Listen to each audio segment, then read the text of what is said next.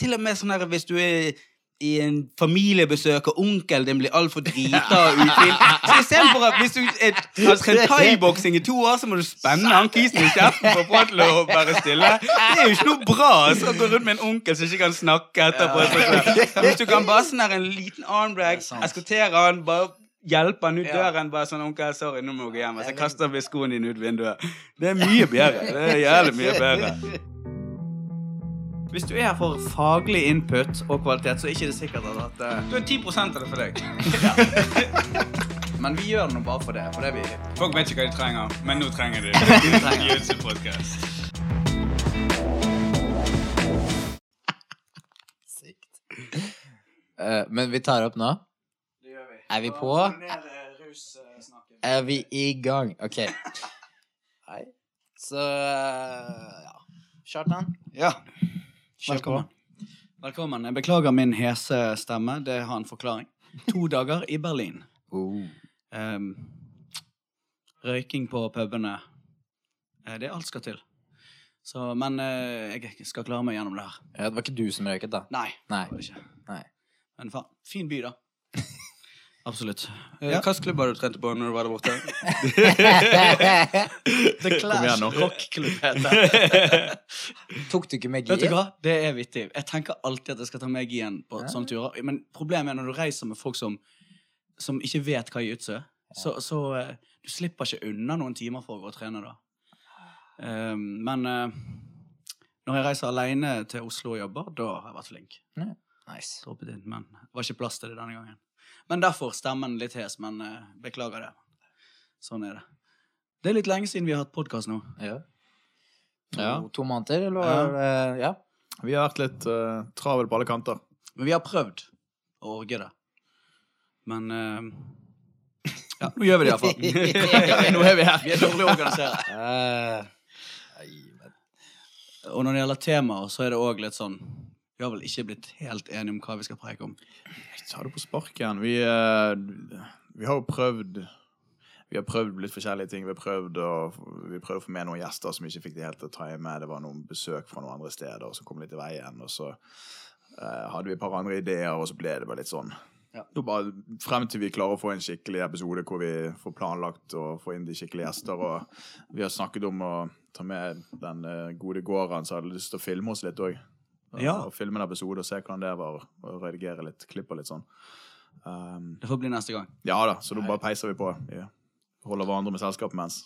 Nei, altså, jeg lurte på Burde vi snakket om ADCC? Ja, ja, ja. Skal vi Altså, jeg, for jeg har faktisk uh, bare sett highlights. Jeg har sett veldig lite, jeg òg. Ja.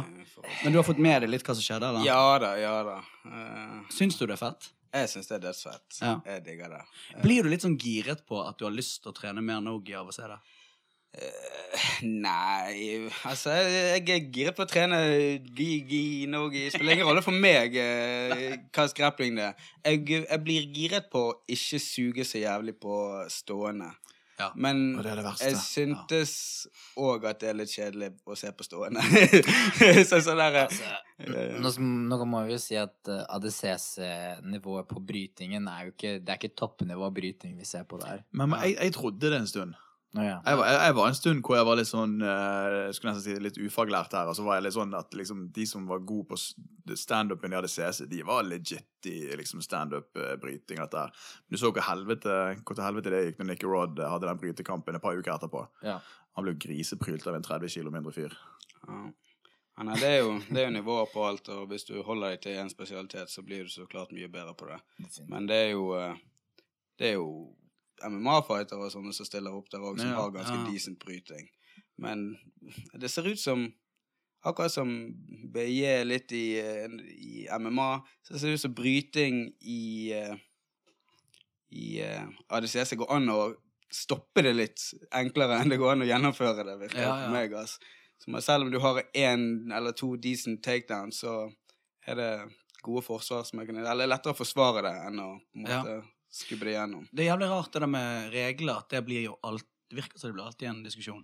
Jeg tror CC er spesielt kjent for å ha jævlig innviklet, altså vanskelig regelsett å forholde seg til. Det er mye Ja, eller, greier.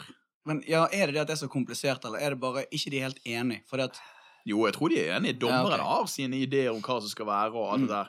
Men hva var det? Jeg husker det var en eller annen coach annen ganske profilert coach som sa i et intervju et eller bare sånn Vi kan ikke helt reglene her ennå, selv om vi har vært med i sånn tre år nå. Men Ja, vi, vi men- kan liksom det vi føler vi trenger, men så er det liksom Vi har ikke helt kontroll. Nei, altså, øh, og, og ikke bare det, du må huske at dommeren på matten er ikke den som gir poengene heller. Det er den som, de som er på siden, som Ja. gir poengene. De har et eget dommerpanel. Så, så det blir jo sånn sykt interessant om uh, Ser de andre dommerne at du sweepet han, eller ikke sant? Mm. Det, det er så mange ting som kan gå feil, da, føler jeg. Men, men det kommer an på også hvilket Altså Er ikke det derfor Galvao liksom han eh, er kjent for å kunne regelsettet så enormt bra? hvis, hvis, ok, nå kan vi snakke om Galvao, da. Jeg vet ikke, Hvis vi skal snakke om at han strategisk kanskje tok Filipe Pena ut og fikk han til å lande oppå et bord, sånn at beina hans ble Ah, skadet fy faen, så så, så ja, da, da kan vi jo si at han kan reglene ganske Ja. godt. Men, men altså Bra Jeg, jeg syns ikke at det er det som skal avgjøre kampen, om du Nei. klarer å treffe Keys eh, og- motstanderen din med Men det der var for meg historien av ADCC i år. Hvor, for jeg var så jævlig hyped før ADCC. Jeg brukte så sykt mye tid på å se på opp og filmer og folk og training camps og bracketsene og liksom Jeg var så jævlig hyped. Jeg satt oppe hele natten, jeg så hele eventet live hver kveld og liksom og jeg satt med så jævlig bitter ettersmak nettopp av det der. De, de store kampene hvor folk bare sånn For regelsettet Nå, jeg kan jo ikke regelsettet, men det er noe med at uh, hvis du uh, engager en takedown, sant, så skal de uh, la takedown fortsette selv om det går utenfor mattene uh, til scramble på en måte er over. Yeah. Selv om de har landet på parketten utenfor. Eh, og det eh, Jeg tror det var betong. Så det ikke ja, sånn det var ut? bet- det er sikkert. Altså, sant? Og eh, det skapte jo jævlig mange rare situasjoner hvor folk bare engager takedown og dytter hverandre inn i liksom, bord og kamerautstyr, og det var jo liksom bare helt De har jo ikke i nærheten av store nok matter. Det var Texas. Ja, det var liksom, Så var det masse rare avgjørelser der hvor du ser at en blir tatt ned, og når han på en måte blir tatt ned, så aksepterer han å bli tatt ned utenfor matten, og så stopper han. Men han andre stopper ikke, så han begynner å fortsette å gå for ryggen hans. Men han som stopper, han stopper fordi han har bordet på ryggen. Okay. Og så blir det sånn, så dytter det inn i bordet, og så blir det, begynner å rulle under bordet, og så må dommeren stoppe, og så resetter dommeren midt på matten, men så resetter han med at han har tatt ryggen, i stedet for at han bare har tatt han ned. Oh, ja, ja. Og så ble det liksom hele greiene ble bare så jævlig irriterende til slutt. Men jeg føler det er litt I vanlige konkurranser òg føler jeg det er veldig vanskelig å Matten er jo definert med streker, men Ja. kampen blir jo ikke stoppet før han blir stoppet. på en måte Og mange er jo flinke og bare fighter og fighter hele tiden. Mm. Og mange respekterer For jeg er veldig sånn Å, nå er vi utenfor, så gjør jeg meg klar for å resette. Ja. Og så ofte så fighter han andre kisen videre, mens jeg bare sånn Å, faen, det er jo ingen som har stoppet dette her. Nå er det bare jeg som er i noe- treningsmodus. Ja, sant? ja, ja. Det er Sånn noe med føler fair, det er fair play, tenker jeg. Det er litt fair play. Ja, men det er ikke på en måte fair play, fordi at Det at du stopper og tenker at ok, når dommeren sier stopp, da Du, du går ikke Ja da, men det er en poeng at jeg stopper gjerne litt før ah, dommeren ja, ja. har sagt sånn stopp, for jeg bare ser å, nå er vi ute. Så Ja. forventer jeg at vi skal stoppe, uten at dommeren har sagt fra. Og så fortsetter han andre, fordi at dommeren ikke har sagt fra. Og det er jo på en måte ikke noe galt av han, det er jo meg som på en måte ikke, Ja, det er sant. ikke på en måte ja, er helt i konkurransemodus og bare Nei. fighter til noen blander seg inn. sant? Mm. Og noen er veldig flinke til det. Og jeg, ser, jeg har sett på konkurranser vi har dratt på som lag òg, at noen av, eh, av folkene i vår klubb de er altfor tidlig med å stoppe og liksom se på dommeren og vente. Ja, nå skal du vel resette Ja. oss. Men noen bare fortsetter med det de egentlig skal holde på med, som er å prøve Ja, å vinne posisjoner og gjøre bra ting. Så jeg, eh, jeg tror ikke det er noe eget fra ADCC. Bortsett fra at brytingen er jo en større del der, sånn at da Ja, trenger du mye, mye større plass. ja men de andre Nogi-konkurransene, Nå er jo det så mange som har litt sånn Oh, yeah. eh, Og har de Er ADCC noe, noe ganske annerledes enn de? Ja, I du må, du må huske at ADCC er litt sånn at uh, første tiden, eller første par minuttene av matchen, da, så Ja. er det ikke noe poeng. Og det er på en måte greit å pull a guard Mm. uten å penalty. Uh, bortsett fra finalene, holdt jeg på å si. Mm. Finalene, da får du penalty uansett. Men, men uh, i uh, disse rundene, da, så vil det på en måte være en sånn OK, freebie at uh, nå kan du bare kjøre på submissions og prøve så mye du vil uten at det på en måte går utover poengene. Det er, tror jeg er mest tankemåten de har hatt. Men i ettertid kanskje kan du se at veldig mange venter ut de minuttene helt til poengene på en måte kommer inn, og så da begynner de på en måte å spille. Jeg føler det òg sånn det, det er egentlig ment for en sånn initiativ til det. Sånn at, hei, gjør hva du vil, ikke vær redd. Bare stu- stup på Shemations. Dere skal ikke bli straffet for det. Men så har det bare blitt til det sånn, ja, men dette teller ikke, så det er ingen som gidder å gjøre noe. Ja, det er litt sånn. Det er litt. Føler jeg, da. Veldig ofte. Men altså, det, det her er jo selvfølgelig individuelt fra utøver til utøver, men, men det blir veldig ofte sånn i forhold til taktikken eh, til reglene. Men de gjorde det litt gøy et et par ganger òg, hvor eh, det var noen situasjoner hvor noen av disse her, uh, mindre guttene som gikk fights, så så du at de hadde en klar slagplan for hvordan de uh, Hva er det penaltyen du får, er ett poeng for å pulle det? Ja, ja. Eh, du, du får minus ett. Ja, minus ett Ja. eh, for å pulle guard, sant? Og så var det noen, han, hadde liksom, han ledet med så og så mange poeng, så han kunne liksom, han hadde to guard-puls og koste på seg i løpet av kampen for å ikke tape, for han hadde bedre bottom game enn han hadde top game, sant? Ja. Og det synes jeg er litt kult. Da begynner man liksom å spille, Ja. spille mer, og da er det jævla fascinerende å se, sant? Det er sant. Og det, og det kan, men, men da kan man også diskutere sånn som i IBGF, da. Skulle du bare sagt at en advantage er et halvt poeng, eller ikke sant? Og si at du har to advantages, så blir det til et poeng. Mm. Eller en penalty er et minuspoeng, da. Hadde det vært på en måte den måten også, hadde det kanskje blitt litt annerledes. så Man ser på advantages og Ja, det er sikkert disadvantages. endret ganske mye. Og det kunne vært også interessant å se, sånn i lengden. Men, eh, men eh, det er så mye forskjellig av eh, regelsett, og jeg, jeg syns det er kult at vi eh, får på en måte sett mye aspekter av idretten på den måten. Han er Lackland Giles. Åh, Ja. The man! Men, men Ah. det er én ting jeg ikke helt forstår. yeah. eh, og det er at de, han submittet hva var det, tre stykker på rappen der. Ja, sværinger, altså. Ja, ja, sant. På, Men- hvis du tenker på, på Åpenvekten. Ja, ja. Uh, men var ikke de forberedt på at det kunne skje? Du er jo forberedt, men, men det er jo fortsatt Altså, Kan de bare ikke Yes. forsvare det? Nei, jeg tror bare det er litt sånn undervurdering Ja. samtidig. Og, og du kan jo tenke at de har jo mest, blitt mest forberedt på de som er i bracketen deres. Ja. Og så er det litt sånn, ok, når du ser på åpen matte, bra- nei, åpen klasse-bracketen, så tenker du, ok, der har vi han 100 kilos-skisen Ali, der har vi den, der. Du tenker jo ikke på Lackland Guys som en Hva var det? Det var Ali, så var det en til. Eh, Kainan og, Kainan var det, ja. og um, det var en siste til, altså. Um, Var det? Ja, det var en til som kanskje var den største duden av de alle, faktisk. Nei, det var jo, han, han, han tok ut Kainen og Ali, og så tapte han til Nei, eh, tok en Gordon. tredje òg. Han tok ut en tredje også, Ja, men, ja. ja. Men uh, uansett, da. På, Det- på heel hook. Nei, men det var ikke det at han tapte til Gordon, og så gikk han bronsekampen, og så vant han den? Jo! Men hvem var det han tapp- vant bronsekampen mot? De, de som hører Ja, ja. på dette, kan, de vet det iallfall. Ja, men, men uh, altså, og, og han tok de på ting som på en måte ikke kanskje er så vanlig å bli tatt på. Um, 50-50 heel hooks.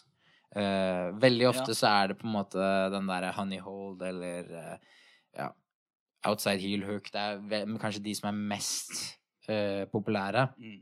Men i forhold til 50-50 heel hooks, så han er kanskje en av de som har fått det til å funke best. Ja, tydeligvis når de gikk de kampene mot han, så om, om Vet ikke om det var overraskelsen, eller at De, de virket ikke som om de skjønte at de var i det. Mm. Før de var i det. Hvis, det, hvis du Ja, ser på matchene, så ser det veldig ut som det Oh, shit! Ah, Ja, nå var ja. den tight. Ja, ja. Og det, det er fett å se, faktisk. Men han tok i den lagturneringen han gikk òg. Da subbet jo en sånn der Det var eh, sykt, En det, ass. Det var han, det, ja. Ja, det ja, ja. ikke over. Men var det beina da òg, kanskje? Det var BG, Team BJJ Fanatics versus et eller annet annet team. team. jeg har ikke sett Ja. han, jeg har bare hørt han. Og Lackland Guys bare var den som gjorde alt. Rev gjennom et helt lag. Jeg lurer på om det var noen som ikke fikk godt kamp. Fordi han Ja, lå på laget Det var, det var jo den ene runden. Da var jo det fire fra den laget. Jeg tror han tok ut tre Det, de. Ja. Var Ja, ja, det, var noe, det var sykt. Men i hvert fall det som var morsomt, da det er, Jeg tror jeg så statusen til um, Til han uh, kom, australske kompisen, holdt jeg på å si. nå. Craig, eh, Craig Jones. Craig Jones. ja. Så Craig Jones hadde lagt ut, da. Eh, der hvor eh, du ser at Lackland Guys er dritsliten, og han henger armene sine på Craig Jones og et par av de andre lagkameratene. Og så, så står det bare under her eh, driver eh, Giles og driver og klager på hvor sliten han er, og vi bare motiverer han ved å si 'tenk på hvor mange DVD-er du kan selge'. hvis du fortsetter.» bare, bare tenk på hvor mye penger du kan lage. Fordi at han, han har jo vært en sånn, sånn instructional fyr i liksom de siste årene. da Ja, ja, men han, han Jeg er digger YouTube-videoene hans. Han Han er ja, sykt- sinnssykt sykt flink å forklare Ja. ting. Han, Veldig pedagogisk ja. og, og Men han jeg føler ikke han har fått den der, eh, den der recognition før nå. Nei, nei, og han fikk litt da, men han fikk enda mer nå etter ADCC. ADCC. Ja, ja. Og det er litt fordi du, du ser bare plutselig hvor sinnssykt det var at han slo Ali og Kainen Mm. og Altså, dette her er folk som vi vet er på topp, topp, topp. Faen, jeg Og- hvem den siste kampen var. Det med Ali var jo på en måte Han, han var jo en sånn fyr som alle gledet seg til å se, bare. Ja, Han Alle trodde jo skuffet skikkelig. Ja, det gikk Det var en ikke så bra med skikkelig dårlig Men, turnering for ham. men jeg vet ikke uh, Ali så ut som han hadde jobbet hardt for å komme seg i form, men han Ja. så liksom Jeg vet ikke. I Kanskje- form så var han den, hva var han den tyngste utøveren i hele ADCC med 119 kilo. Mm. Noen du- måneder tidligere når jeg gikk Worlds, så var han eh, super heavy minus 100.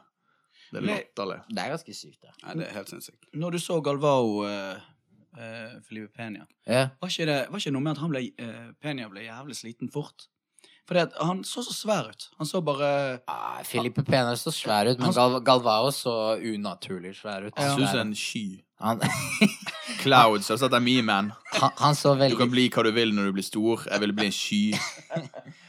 Så mye muskler at det ser unaturlig ut. men det men, men, men altså, tempoet til Galvao helt fra starten av var jo helt sinnssykt. Altså, han, han bare kjørte på. Han skjøv og skjøv og skjøv skjøv. var, han, han peiste på et tempo fra start. Ja, ja, og, og jeg tror altså hvis, hvis du som motstander skal holde deg på eh, det tempoet, så er det helt umulig. Ja. Altså, det er, det er så slitsomt. Og det, det var hele tiden press. Det var ikke ett eneste sekund med OK, nå går vi rundt. Nei, nei, Mm. nei. nei, nei. Var, du, du må hele tiden bli dyttet av han her kisen. Og så lurer jeg på om Galvao har den derre perfekte brytekroppen når det gjelder sånn i forhold til lavt tyngdepunkt, holder seg lavt. Øh, eh, traff hele tiden litt under Filipe Pena sin tyngdelinje, uansett hva, ikke sant? mm. Så han må hele tiden endre og justere og Ja, jeg har ikke sett uh, Mens altså, Filipe Pena er litt mer lanky, hvis du skjønner, men han er litt mer høyere. Eh, Jeg bare hørte det Det var noen som sa det at han ble jævlig sliten Nei, tidlig. nei, jeg og i tillegg til at ribbeina hans gikk litt, som det så ut som, i hvert fall, uh, på det bordet, så tror jeg ikke det var så pleasant. Ja, den kampen irriterte meg. Men det virker som med, med den ADCC-en så har de bare satt litt sånn ny standard, da. For var ikke det bare full show eh, Her var enig. Jeg, tror- jeg tror jeg tok feil òg. han slo Kainen Duarte i første runde, Mm. og så slo han uh, Patrick Gaudio i andre runde. Gaudio var det, ja. Og så slo han uh, Ali i, eh, for bronse. For bronse. Ja, sånn var det. Er vi, ja. Men nei, altså hele, hele Det virket som hele arrangementet var Produksjon ja, Hele greien var helt annerledes enn før. Ja. Ah, ja, jeg tror de har spyttet litt mer penger i det nå, for å si det sånn. da. Men det, det er også fordi du ser jo at ADCC og Nogi-miljøet vokser og vokser. Eh, og jeg tror også at profesjonalismen rundt Nogi har blitt bedre. Eh, kontra sånn som den ADCC European Trials som jeg var med på i 2015 eller noe sånt. Ja. Var, det var noe helt annet, ikke sant? Da var det litt sånn at vi kom dit, og så visste vi ikke helt eh, når ting skjedde, eller Å ja, skal vi veie oss inn? Å ja, å ja, her, opp. Ikke sant? Mm. Det var, det var helt kaos.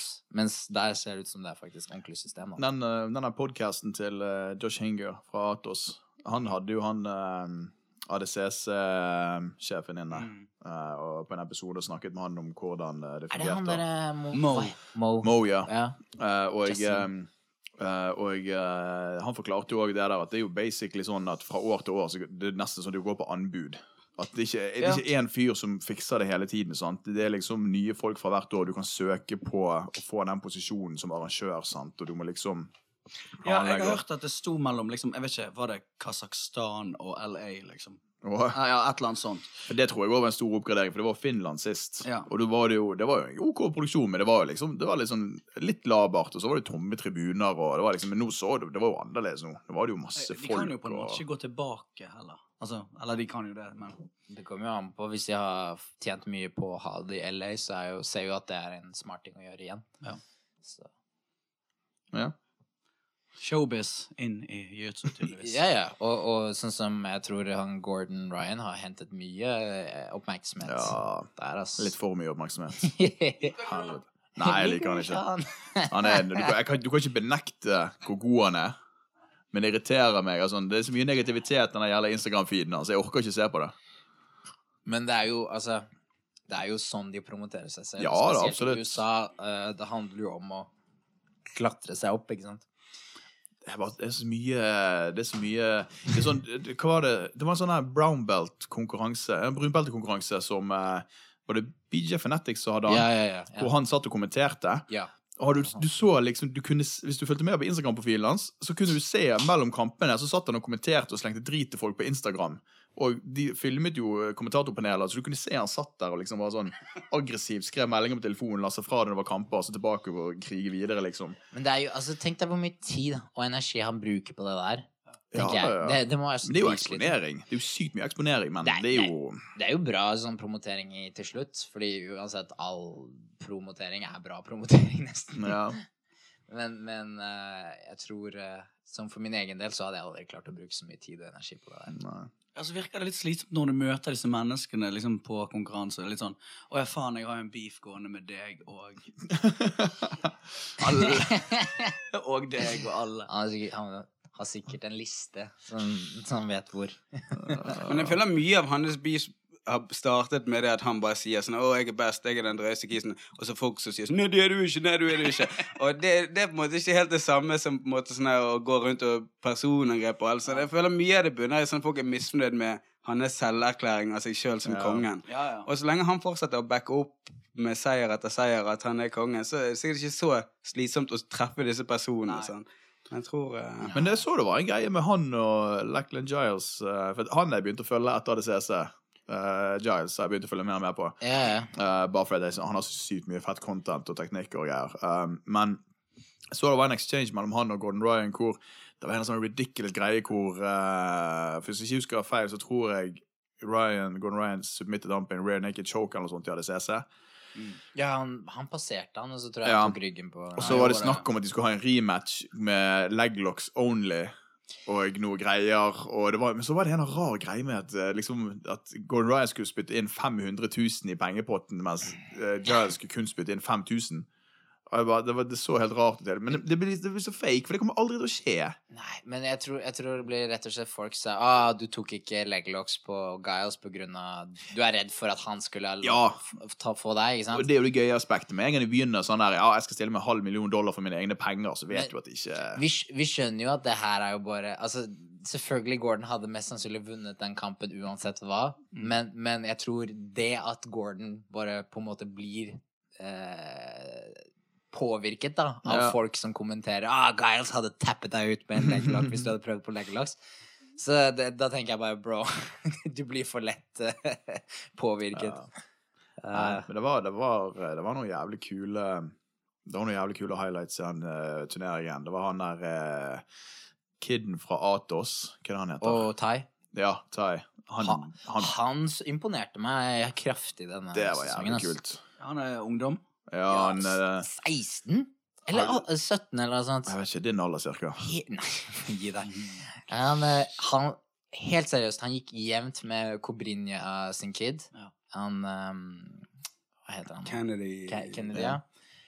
Og det så bra ut, ass. Mm. Uh, han hadde noen funky passing-stiler som jeg, jeg Jeg ble litt sånn Shit, det her har jeg lyst til å prøve på, liksom. Ja. Så, så kult. Han Kult å se en 16-åring, liksom. Tapte bronsefinalen mot uh, Miao. Ja. På, og det, har dere sett det bildet? Æsj, det er så ekkelt. Det er så Det er så- jævlig. Ja, jeg har bare hørt om det. Hva var greia?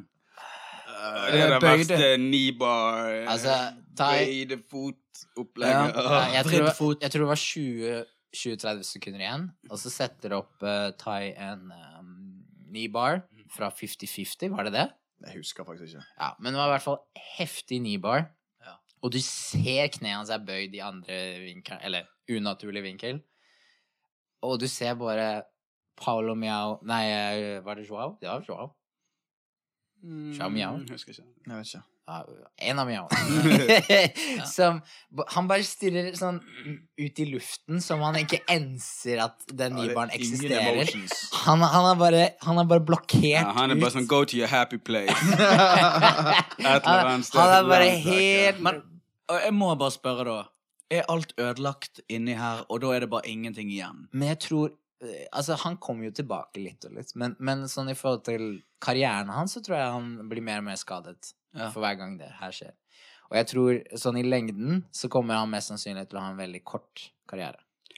Men det virker som at de òg funker uten ligamenter. For de lar jo alle bare rive alle de mm. deres i sunder og sånn hele tiden. Og så likevel de, Det eneste du kan se på, det er at de går rart. Men utenom det, så, så, utenom det, så, kan, så YouTube de ser jo helt vill ut selv om. Ja. Så det er jo helt sprøtt. Og det er jo en helt sinnssykt digg ting å ha på siden sin, at alle bare vet at ja, det går ikke an å tappe ut de der folka. De bare lar deg ødelegge det. Så det er jo helt sykt Ja, de, frustrerende de å gå for en kis. Hilux. Tapper ikke på noe. Nei. Ingenting med Treffer ikke. eller Ja, hva faen. Det er jo en genial taktikk. Men, men uh, Nei. Og, og sånn som jeg har hørt, så Jeg har hørt at de var med på en oppvarming. Eh, jeg tror det var Paolo Miao som var med på en oppvarming i London. Eh, Et par treninger før en eller annen konkurranse. Jeg tror det var London Grand Slam. Og så uh, Teta som hadde treningen, da. Så, så sa han ja, bare begynn å løpe, folk. Og så ser han uh, Paolo Miao begynne å løpe, og det, det går jo ikke.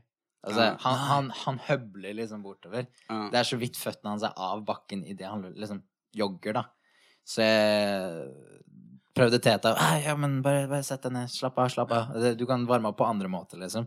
Buttscoot i Nei, nei, nei, nei, nei, nei, nei, nei, det går fint. Jeg skal klare det. Jeg, det her går fint. Så jeg, jeg, det har jo sin pris, da. Det har det. Men Har du ingen dekning her ute? eh, vi er i bunkeren til eh, Kjartan. Ingen signaler når inne her. Altså. Mm. Og er det her inne, kanskje? Ja, det er bare her inne, tror jeg. Hvis du skal søke opp noe. Det er jo Jeg prøver å finne det bildet så jeg kan vise deg. Ja. Jeg vet ikke om jeg har lyst til å se deg. Altså. Ja, du har lyst til å se det. Det er et bøyd kne. Ja. Ja. Nei, men uh, jeg tenkte på en annen ting. Sånn uh, Ja, jeg vet ikke sånn hva folk har tenkt på vi skal prate om, men bare en ting. Jeg har bare noen tanker rundt noe etter ADCC. Det var fordi at når du driver med jutsu på litt lavere nivå enn det, og bare trener Sånn som eksempel Hvis man bare trener regi, da, Mm. fra du er hvitbelte til du blir liksom, Går noen belter oppover, så trener du bare gi. Du går ikke noe særlig konkurranse, men du bare holder det gående for din egen del. Rekreasjon. Mm. Så er det noe merkelig med hvis Når det der, hele det der fotlåsgamet nå er blitt så Det er så mye oppmerksomhet rundt det.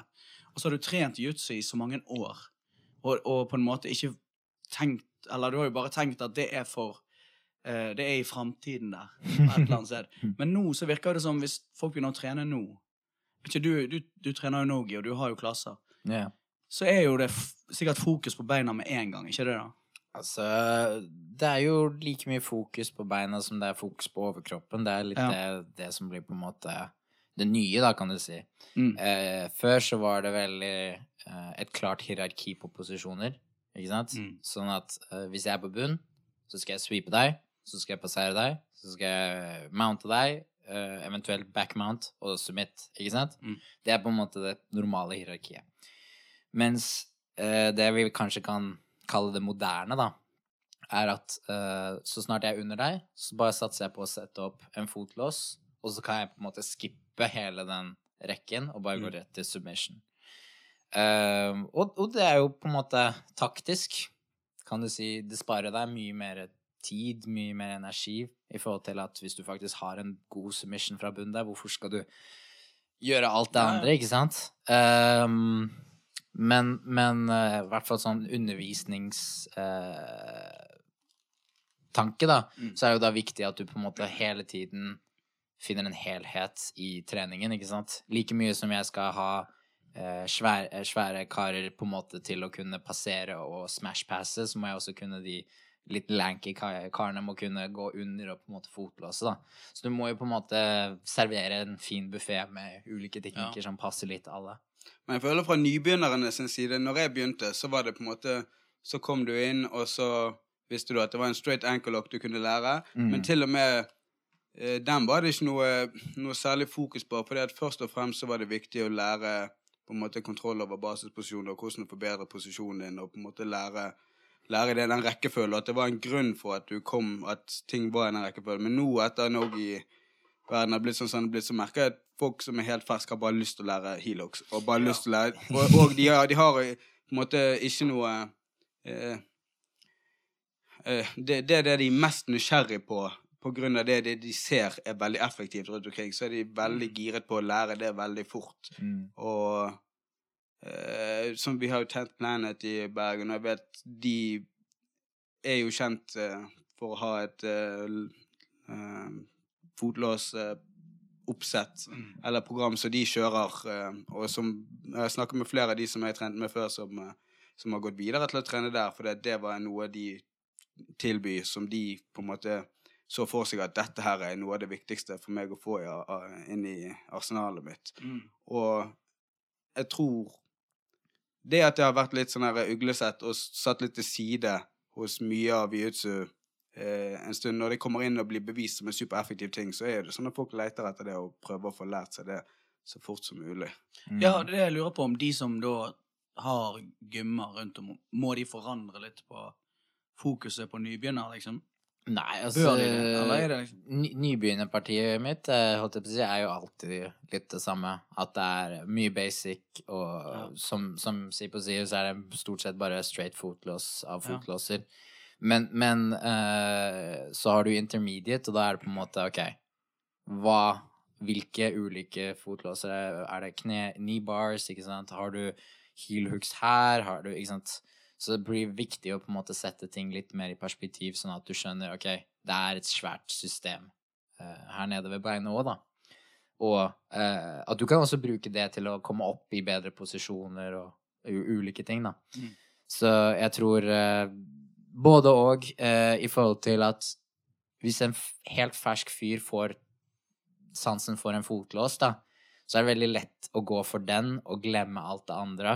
Eh, veldig ofte det jeg ser med noen av elevene, er at uh, OK, de får til en grei fotlås, så klarer de ikke å passere en uh, fishing guard, og så ut av frustrasjon så setter de seg ned og Mm. fotlåser. Og like mye som han klarer å fotlåse, så er han andre litt sånn redd på fotlåsen, så han, han tenker 'oh shit, nå er den tight', OK, tap.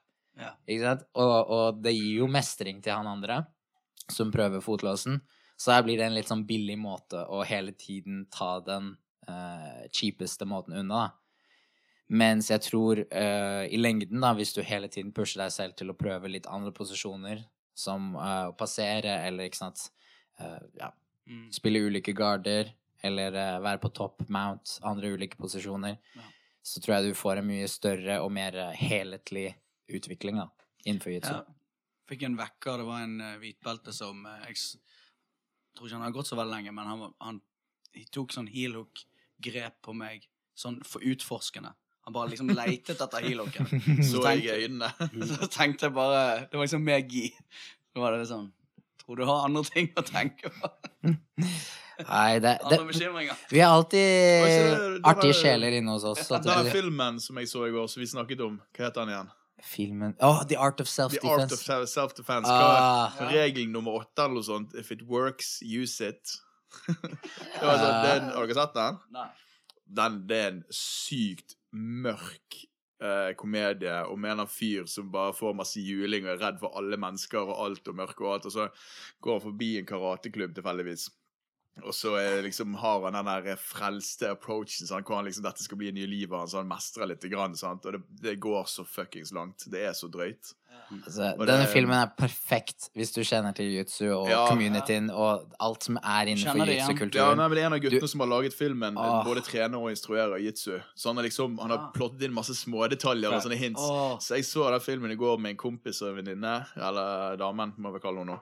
Og, eh, eh, og hun skjønte Hun syntes liksom deler av filmen var morsom, sant? mens meg og Lasse sitter der og vi holder på å dø på oss av kleinhet av visse scener. Mens hun var liksom, ja, ok, jeg skjønte ikke helt det. sant? Det er mye sånn små jitsu-referanser der inne. Men det er, altså, nå er ikke det der en heftig spoiler, da, men, men det er for eksempel når du får et fargebelte, og, og det er superstas å få det beltet, så er det veldig vanlig at du plutselig ser Oh shit, alt han eier, er den fargen som det Så fargebeltet. han fikk gulbelte, sant? og så plutselig så går han og kjøper gul T-skjorte, gule sko, gul hatt.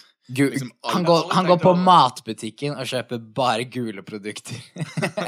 Over, faktisk. Ja, ja, det, nei, den var jævlig fet, men den er mørk, ass. ja, ja, men, men, men så verdt å se. De har sånne, de har sånn eh, regler på veggen. Det er sånn rammet inn, så det er ti regler. Eh, det er elleve. Hva det? Var, det var ti normale regler, så nummer elleve den er sånn helt syk. Altså. Er det ikke det Guns ting. are for the weak, og så var det Jo, jo, jo. Ja. Sykt mye greier. No shoes on the mat og Nei, det var, det var jævlig artig. Det var Den, hvis du, ser, hvis du trener jitsu og eh, Ja. tåler litt mørk humor, så burde du virkelig sjekke ut den filmen. Ja. The Art of Self-Defense. Fantastisk. Men tilbake til spørsmålet ditt. Jeg tror ikke det er viktig for klubber på en måte å, å ha sånn superstort fokus bare på Helox nå, bare på når det er vinden. Men jeg tror alle må bare gi seg med det der eh, at nei, fotlåser eh, det er ikke noe eh, sound måte å vinne kamper på. Nei, du putter deg i en dårlig Alt det er ferdig nå. sant? Nå er det bevist som noe Ja. supereffektivt som er veldig gyldig, og som vinner veldig mye kamper. Sånn at alle må jo forholde seg til det. Ja. Det var vel kanskje litt ansett som favela-teknikker en periode. Ja, det Så, liksom, Nei, dirty Men det som jeg føler, er jo at når du har trent noen år, og du, hvis du reiser rundt da, i verden, og så bare besøker du en gym, du bare stikker inn, og så trener du et sted, og så viser det seg at det er no-gi, da, og så har du bare Ja, ja. Så, så må jo du på en måte Da er jo det jævlig kjipt hvis du har trent i mange år, og så kan du ikke det som ungdommen starter med å trene, på en måte. At du bare blir Submitted. Både og. Altså, jeg tenker jo Du kan jo like så godt bli submitted på andre ting enn heel hooks, liksom. Vil ikke det alltid være sånn? Altså, jeg- vi i Bergen bruker sykt mye tid på Dela Hiva og guards rundt Dela Hiva og alt det der, men så reiser en annen klubb, så kjører de en helt annen approach. Jeg altså- føler alltid den clash of stilene vil alltid være der, uavhengig av det med bein eller ikke. Bare, bare se på hvor mye Berimbolo som blir drillet her i Bergen, Mm. kontra i Oslo. Spør Altså, jeg, jeg kan vedde at flertallet av oss kan bedre Berembolo enn det flertallet i Oslo kan, fordi nettopp vi bruker så mye tid på det. Ikke sant? Mens der har de mye bedre passeringer, ikke sant? På grunn av at de bruker mye mer tid på det. Ja. Så du, du, du kommer alltid til å finne den type ting. Og det er derfor det er også viktig at vi reiser rundt og på en måte får oppleve det, da. For du får litt den derre Oi, ja, det var andre ting. Men når du er på så høyt når, På ditt nivå, vurderer du å For nå går jo du både gi og no-gi. Ja, det gjør jeg. Vurderer du å droppe den ene? Nei, for min del så Jeg er ganske heldig der. Fordi um, når det gjelder mitt game, så er det veldig mange ting som jeg kan fint adaptere til begge deler. Jeg har jo selvfølgelig mine nisjer innenfor gi og nisjer innenfor no-gi i forhold til at OK, sånn gjør jeg hvis, uh, hvis det er muligheten og ikke. Men stort sett så er det fortsatt samme rammene for teknikkene som jeg gjør.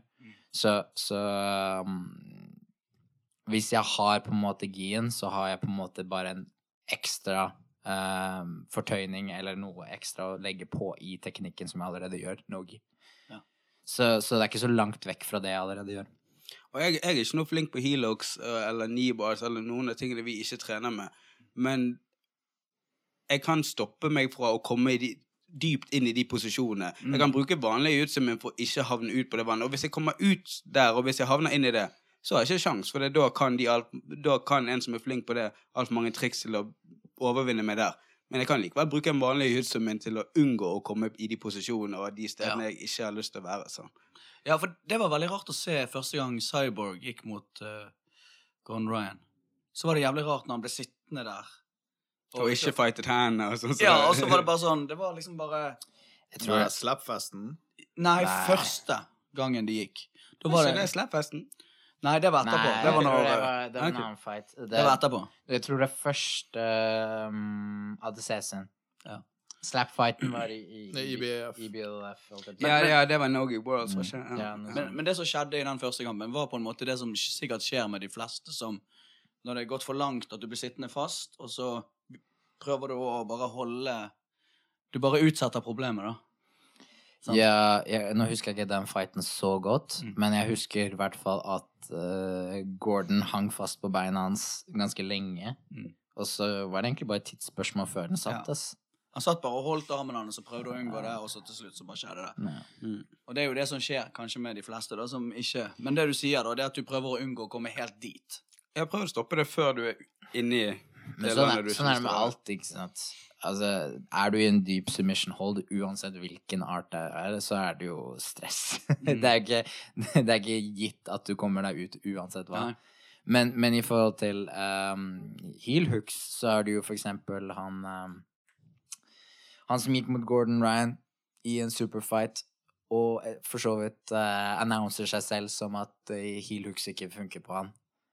Hva heter han? Hæ? Vinny Magalesh. Ja, Magalesh, å, takk. ja, ja. Ja, uh, og ja. Han Han er jo, han er jo Tenth Planet òg, han.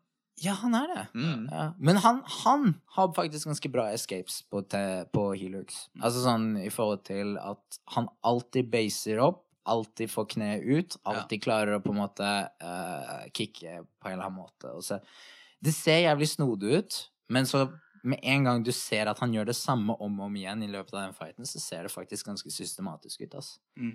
Han, han gjør det bare jævlig bra. Han vant ADCC et år, han. Han er jo ADCC Ja, men jeg husker ikke hvilket år. mm, veteran. Han han holdt jo på å vinne en mill i denne MMA-turneringen.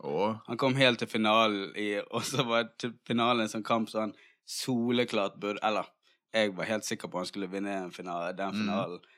Jeg husker ikke hva den promosjonen heter, men det er en sånn promotion som har uh, Vinnerne i de vektklassene får alle en million. Ja. Og så bare gikk han hele veien til finalen, cruiset gjennom hele veien. Så ble han knocket i finalen, tror jeg. Du- det er sykt. Apropos uh, mye penger, er ikke det nå Ja, nå. Eh, Spider eller et eller annet. Det er sånn vanvittig penge... Uh, jeg vet ikke hva summen er. Jeg tror det er 100 000 dollar, ikke? 100 000? Uh! Nei, jeg tror det skulle være noe sånt. Ja, for jeg, det jeg fikk med, var at Merigali skal være med der. Ja. Og han skulle gå fight to win, men kansellerte den i siste liten, for han sa han ville prioritere tiden sin på Spider. Ja. Og så klikket jo for han der fight to win-arrangøren som var med på ADCC, og Ja, ja. begynte å henge han ut i sosiale medier, og får alle komme tilbake, og sånn og sånn. Men det er jo ikke så Så- rart heller. Altså, Nei, Men altså, ok, hvor mye tror du han fikk Altså, hvor mye penger tror du han ville ha fått for Fight to Win kontra Mm. Spideren? Det er liksom Ja. Det det er er jo sikkert Japan, en svær forskjell der, da. Eh, Men Det er Korea, Japan. da.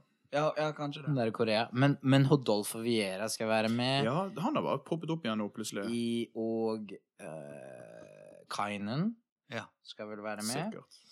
Uh, Anderson Muniz skal være med. Han er uh, nylig brunbelte. Uh, han, han gjorde det jævlig bra på, på forrige Speideren. Mm. Han gikk jo mot Tim Spriggs eller noe sånt. Ja. Gjorde, gjorde det ganske bra eller noe. Jeg husker jo ikke helt hva som Tim skjedde. Spriggs er et udyr. Ja, Satan, er fet å se på. han er kul. Han liker jeg. Eh, nei, og så Ah, Det er vel flere i den bracketen. Men hvordan i all verden kan de ha en sånn premie? Altså, hvordan får de det, det til å gå altså, du må huske at Spider er jo uh, Det er et ganske stort selskap, egentlig. Uh, for det de eier, er at Jeg mener at de har en slags korrelasjon med alle sånn ski eh, heiser og ski Altså sånn selskap i hele USA, blant annet også. Ja, Noe ok, de, det altså det er en ganske svært selskap under det her, da. Mm. okay. Og i tillegg så står de for ganske mye sånn idrettsutstyr i Korea. Som sånn løping, alt mulig Så det er en branch, liksom. Det er, det er en branch. Ja. Så Jiu-jitsu er en og- liten del av det. Ja, og det her er bare noe de tilfeldigvis hadde lyst til å satse på. Som er altså sykt fett, liksom. Mm. Jeg, digger at Abu Dhabi og koreanerne gidder å liksom putte penger i det. Men, men eh, Nei, så, så de har pengene til det, ass. Det har de. Ja, for det er jo veldig sjelden det er penger i det. Men, men det kommer seg, det kommer seg. Og, og når det er penger sånn som det her, så får du ganske mange fighters, sånn som nå med Merigali og alle sammen. Folk dropper jo til og med andre events, så det er jo kult, det. Mm. Det er med gi, sant? Ja, selvfølgelig er det gi. hvis man Nei, det er gi, det er gi. Ja. De, de kjører ikke noe no-gi der. Nei. Det virker ikke som det er noe interesse for de. Fra, av en eller annen grunn. Men uh, Fordi de selger mye gis, kanskje? Det kan godt være. Uh, men de har, de har jo noen sånn sponsoravtaler med noen atleter, og der hvor um, Mjau, er ikke han spider? Ja, han har en spider-logo. Men så har du også noen som har på seg De må ha på seg koreanske flagg eller patch Mm. på ryggen. Noe som jeg skjønner Jeg, jeg vet ikke, er du da del av deres landslag, eller? Det, det er det jeg lurer på. Hvordan funker det der? Mm. Men eh, jeg vet ikke. Men uh, en annen ting med dette her, eh, litt i forhold til CC og sånn Det er jo blitt Eller jeg spør vel egentlig det, Er det blitt en mer tydelig forskjell på gi og no-gi-sesonger nå? Ja, ja, helt klart. For det, det, det er ikke noe jeg har begynt å tenke over før de siste par årene. liksom Før så var det bare sånn Ja, det er gi-konkurranse her og no-gi-konkurranse der, og det er liksom bare Men det var mer sånn òg. Det var mer scattered hele veien rundt. Ja. Og så tror jeg fordi eh, fleste nogi-konkurranser begynte å bli plassert høst-vinter. Og så ble de ganske populære rundt høst-vinter, og så gi ble mer populær i, eh, i, rundt sommertid og Og vår. vår. Mm. Uh, mye på grunn av også fordi Europeans, uh, Pan Ams, eh, Worlds lå allerede der på den av året, Mm. ikke sant? Så jeg tror da ble det veldig naturlig at Nogi ble plassert på den andre siden. Ja. Så, og, og jeg tror det er naturlig, men, men, uh, men jeg tror også vi kommer til å se et klart skille mellom hvor mange som kommer til å spesialisere seg innenfor én av de, mer og mer. Så, Ja. så det blir på en måte Jeg tror det blir veldig ofte ikke så mange som kjører on season og så en on season rett etterpå, men at det blir en on season og en off season. ja, kanskje det blir det, ja. Det kan være litt spennende. Du, Kjartan, når uh, begynner du Norge-karrieren din for, uh, for real? Uff. Nei, det blir pensjonisttilværelsen. Nei. Nei, nei, Europeans, ikke sant? Åh. da. Skal vi tilbake igjen? Det blir veldig gøy, da. Skal du gå noe, Sipo? Jeg har ingen konkurranser på eh, Jeg må først bli 100 før jeg kan begynne. Ja, hvordan, hvordan ligger du an? Nei, jeg er nå fissen i ryggen, men jeg Ja. går nå og trener litt. Og... Kommer det seg, du, eller? Ja da, ja da, jeg er mye bedre enn det var. Ja. Hadde det helt forferdelig før. Nå går det helt Ja. greit. Mm. Ja, men har du vært innom gymmen litt? Hadde- Ja da, ja da. Hvis du hadde vært der er denne uken, så hadde du visst at Sibo var på trening. Ja, på kveld der. Ja, ja, Ja, ja, ja. på kveldstreninger og til og med. Og nå er jo tvillingene litt mer på stell, så nå kan jeg trene litt mer på kveld òg, så Så kult, da. Og den døren er åpen. Det er chill. Jeg har vært alenepappa, uh, derfor, og det tærer på noe jævlig. Så derfor har jeg ikke hatt mulighet. Hva de siste dagene? Ja, jeg har vært uh, Ja. Har ikke du vært i Berlin? Hvor Jo, før Berlin. Men, men da har vært borte? Ja, sant? Og da alenepappalivet, det, det er ingenting som gjør deg så mye eldre som det, altså. Det, det er verre enn rus. Kan ikke bare ta alt. med kiden din og slite han ut på matten eller noe? Jo, nå er han tre og et halvt. Slipp han løs. Ja. Slipp han løs eh, der uh, oppe matten er eller noe Ja. sånt. Eller. Nærmer seg, kanskje vi kan begynne. Han er så pysete. Det er sånn du er bygger han opp. Men tror du det er bra for sporten at det blir et skille mellom gi og ikke-gi, eller tror du eh, hvis- du tar på en måte det talentpolet som du har innenfor grappling, og begynner å dele det opp i to avdelinger med folk som bare går eh, gi-konkurranser, bare går Norge, tror du i det store deler at samfunnet kanskje taper på det, eller tror du det er bra at begge deler blir forhøyet på når det blir mer spesialisert? Det er vanskelig å si. ass. Jeg tror eh, på en måte så treffer vi flere folk. At vi har, vi har liksom to store eh, varianter av samme idrett, da. Som på en måte Du treffer mer mennesker som kanskje kan finne det som interessant. Men samtidig så Du hindrer jo fra Hindrer jo idretten fra å kanskje vokse like stor som den kunne ha blitt hvis det var én eh, bare én idrett, da. Ja. Men, men eh, det er ikke godt å si, ass. Jeg tror det er på godt og vondt. Men hvis du ser på antall nybegynnere som trener, så er jo det fremdeles ganske overvekt på gi, ikke det? Både og, ass. Ikke hos Tenth Planet.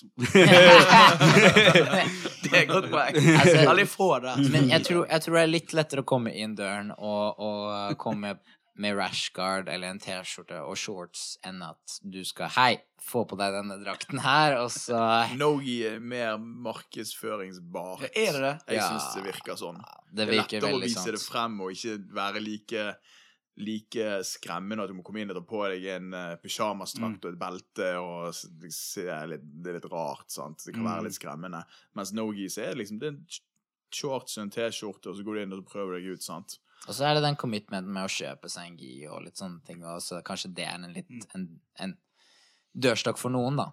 Men, men uh, Nei, det er ikke Ja, de som begynner der, har vel ikke så veldig forhold til konkurransebiten heller. Ikke litt sånn i starten? Det er jo mange som kommer med ambisjoner om det det? Ja, du har jo, du har jo Altså, nå, nå er ikke det her så relevant, da, men jeg, vi hadde jo en kis som kom inn og sa at han skulle være neste Conor McGregor, og da Det er jo alltid Hvordan gikk det? Han kom ikke Kom ikke tilbake. Han kom ikke tilbake. Men, men altså sånn øh, Folk har jo alltid ambisjoner, øh, og noen kanskje innser at ja, du må legge mye arbeid i det, og det her vil ta tid. Ja.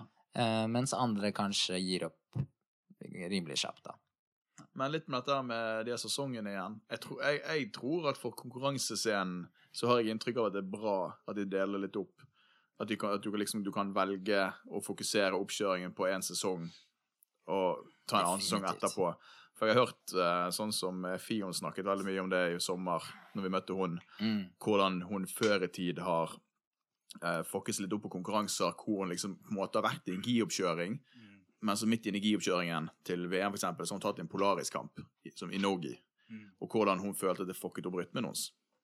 Eh, og jeg har hørt flere snakke om det der at de, de foretrekker å ha liksom en sesong hvor de forholder seg til det, og så en sesong hvor de forholder seg Det, til det, det. det er jeg helt enig i, og det tror jeg du har rett i, men det var ikke det helt jeg mente. Jeg mente bare at eh, på en måte nå etter hvert som vi går lenger og lenger inn i profesjonaliseringen av det, så virker det som at du, det er vanskelig å være den aller beste i gi og no-gi. sant? Før, Mm. før så var det litt ofte eh, verdensmesteren i gi vant òg i no-gi, men nå har du egne spesialister som kun trener no-gi, og så viser seg at når de kun fokuserer på det, så er det vanskelig å slå de, spesielt når det er andre regelsett Ja. inne i bildet Ja. på de no-gi-variantene. Sånn at på en måte det deler seg litt. Og, sånt. og hvis Mm. disse begynner da å dominere i Norge i, bare i Norge i konkurransen, så kommer kanskje færre av disse gi-folka til å vie noe særlig tid til det. Sant? For hvis du vet at det der er ikke noe jeg kommer til å vinne på, Mm. så kanskje du bare dropper den Nogi-sesongen, for det at du vet allerede hvem som kommer til å være på pall i Nogi. Og samme for Nogi-folka. Da kommer ikke de til å bruke noe særlig tid på, Nei. på gien. Sant? Og da blir det på en måte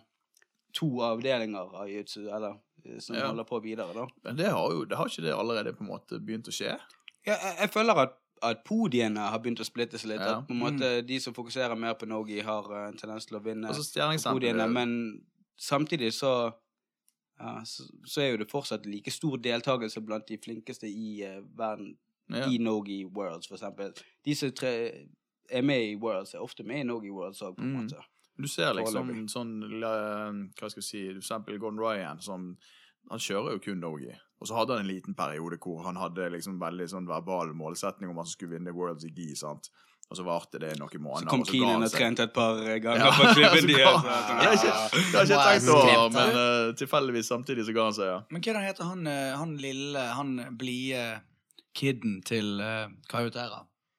Han uh, Ja, Musmeki. Ja, ja. Ja. Han, Er han gi 100 Er det gi eller hvem? Nei, Han har kjørt noe Ja, han er veldig bra i begge. Ja, faktisk. Men han har kjørt mest gi. Altså sånn Kamper av det jeg har sett han, så har han kjørt mest. Ja. Men du har jo den, for du har ikke hele andre veien òg. Du har jo sånn som Leandro Lo, sant, som nesten kjører litt noe i år, men kjører jo mest gi. Og du så jo på en måte hvordan han ble uklassert i ADCC sist gang. Ja. For da hadde jo den, han hadde jo den hypen av å ha vunnet veldig mye i det året. sant? Og så med en gang han kom inn i ADCC, så ble det liksom litt sånn falmet, fordi Men han så ikke bra ut der. For helt ærlig, han så ut som han var litt sånn uh, dagen derpå og skulle, skulle prøve å liksom få Jeg til syns noe. alltid det ser ut som han er dagen derpå. Nei, han gjør ikke Altså, der, der syns jeg han var eh, Han var ikke, han var ikke 50% engang. Han så kanskje ut som han var 40 40 av det han kunne Ja, okay.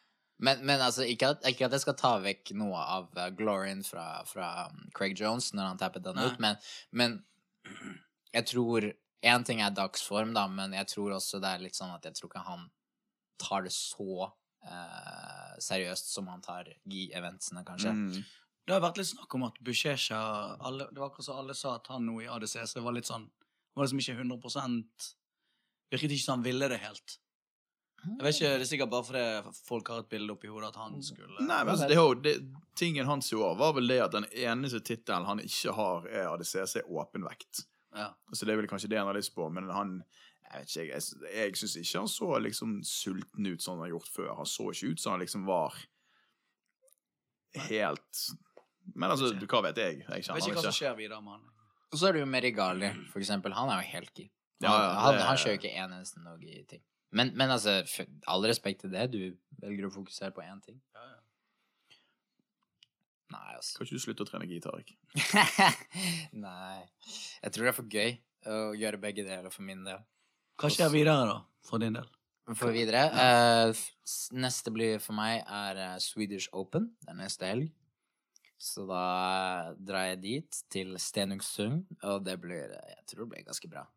Det er alltid god stemning der, fordi det er, det er faktisk en av de største eventene vi har her i Skandinavia. Uh, som pleier å ha rundt to, 2500 registrerte. Det er ganske mye, det. Det er ganske bra, altså. Mm. Og, og kids og alt, egentlig.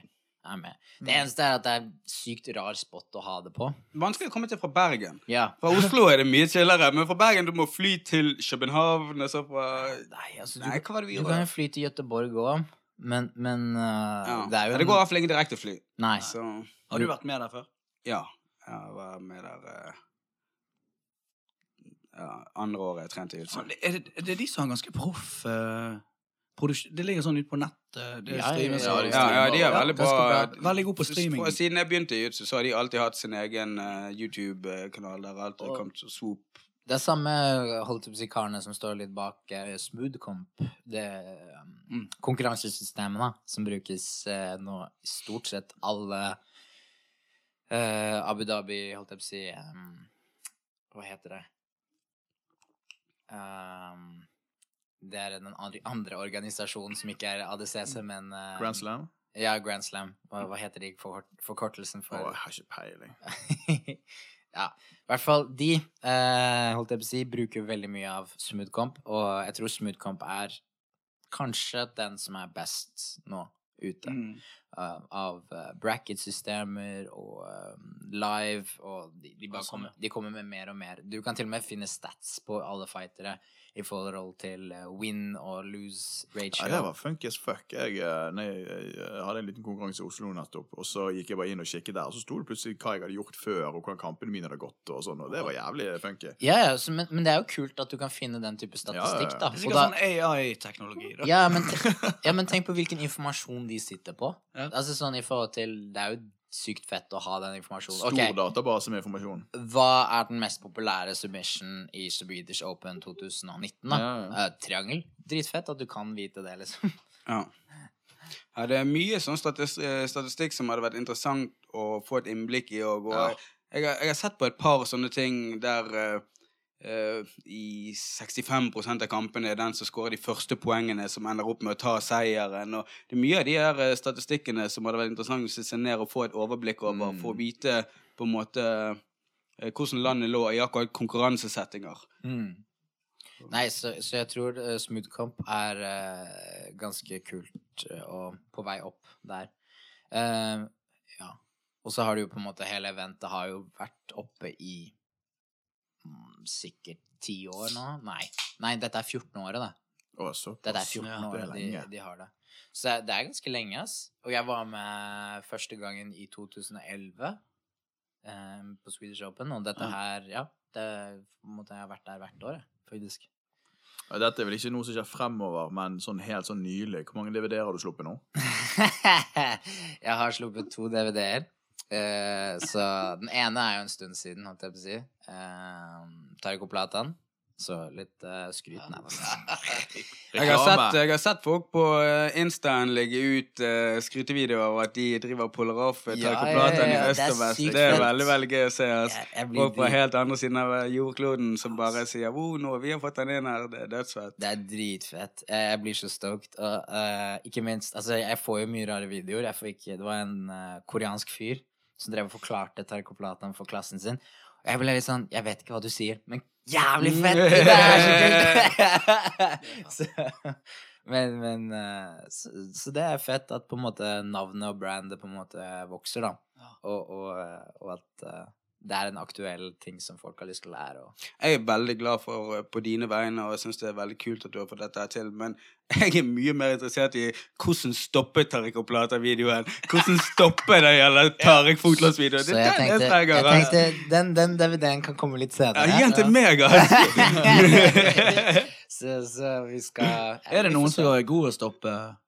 stoppe? Altså, stort sett alle som jeg trener med i lengden, blir jo flinkere til å defende.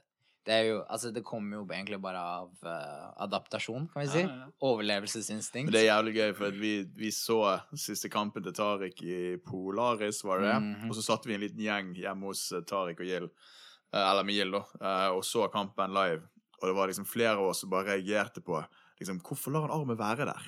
Vet han ikke at den, den kan ikke være der? Ja, ja. For alle vi er blitt vant til at Ja. hvis jeg sitter hånden min der, så er dette ferdig. Ja, ja. Så det var sånn, han lener seg litt inn og gir underhooken. Og da var det sånn, nå er det over. Ja. Men det liksom, vi blir jo fucket opp på dette her hver eneste dag, sant? Så vi, blitt, vi har liksom adoptert oss litt til å få skjønne den greia. Men det var sykt fascinerende å se hvordan han liksom bare ikke tenkte at det var like det ikke, han følte, Det så ikke ut som han følte risikoen var så høy, sant? Mm. mens vi andre satt der og skrek og hylte, for nå vet vi at det er over. Det var sånn Ja, ja, ja. Jo, men Men tenk, det- tenk i, andre, i andre sporter, da.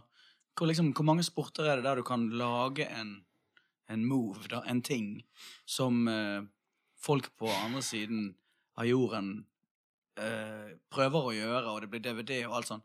Altså, Du kan liksom ikke lage en DVD av en finte i fotball. Ja, er- men, jeg, men jeg tror jeg tror òg vi må ta, ta hensyn til at denne sporten er så ny og fersk, er og plutselig har vi teknologien, vi har internett og fildeling og informasjondeling på en helt annen måte vi har. Så hvis, hvis eksempel fotball var i sine begynnelsedager, så hadde det vært store DVD-er om hvordan du skal gjøre den og den finten og hva og det og det. Det er bare at mange av de etablerte sportene er så langt inn i langt inn i eh, eh, eh, sine måter å gjøre det på at på en måte mye av det er det allmennkunnskap.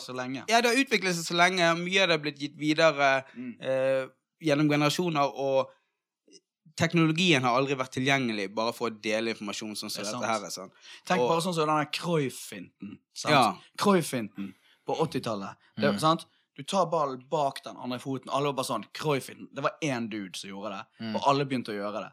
Det er jo det de holder på med. Men jeg tenker altså det er jo liksom Bendit, like Backham og alle disse her tingene. Det, er jo, det er jo moves som folk mm, lærte på grunn av det var Oh shit, det, er, det var det nye.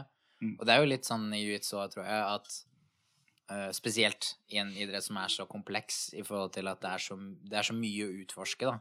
Så tenker jeg at um, da, da kommer vi til å ha flere sånne scenarioer der hvor det er Å, den teknikken her må jeg lære meg. Det her ser dritfett ut. Men så når jeg var, gikk på ungdomsskolen, drev og skatet litt. En haug av de gikk på, i klassen ble skatet. Vi hadde til og med en i klassen som var sponset, for han var så flink å skate. Sykt. De tingene som han gjorde da, det er sånn at han tolv år gamle nevøen min gjør det ti ganger bedre nå. Og alt det har han lært av YouTube. Og, og på en måte måten ekstremsport har gått videre, bare siden, siden YouTube kom, og bare siden den eh, At folk har åpnet øynene sine for hva som virkelig går an. Det har endret alt i alle sånne på en måte små nisjeidretter. Og de store etablerte idrettene er kanskje ikke så lett å se de Eller Kanskje det er det, bare at jeg er blind for det, siden jeg ikke er så interessert i det. Men i hvert fall, det har jo med medie og internett Ja, ja, Og det er jo det som gjør at vi er kommet så langt. Sant? Før måtte jo grave for å finne noe, noe som helst om noe som helst. VHS. Ja. Det er en eller annen sykt kul video. Apropos liksom jiu-jitsu back in the day, da. En kul video der hvor uh, man får se Joakim Hansen drille eller vise teknikker på Eddie Bravo i oppvarmingsarenaen Oi. under uh, Hvilket event vet jeg ikke, ass. Ja, Men det må ha vært et grappling-event. ja. ja. Der hvor, der hvor uh, Eddie Bravo og Joakim Hansen driver og diskuterer en eller annen backtake fra Hallgard eller noe sånt.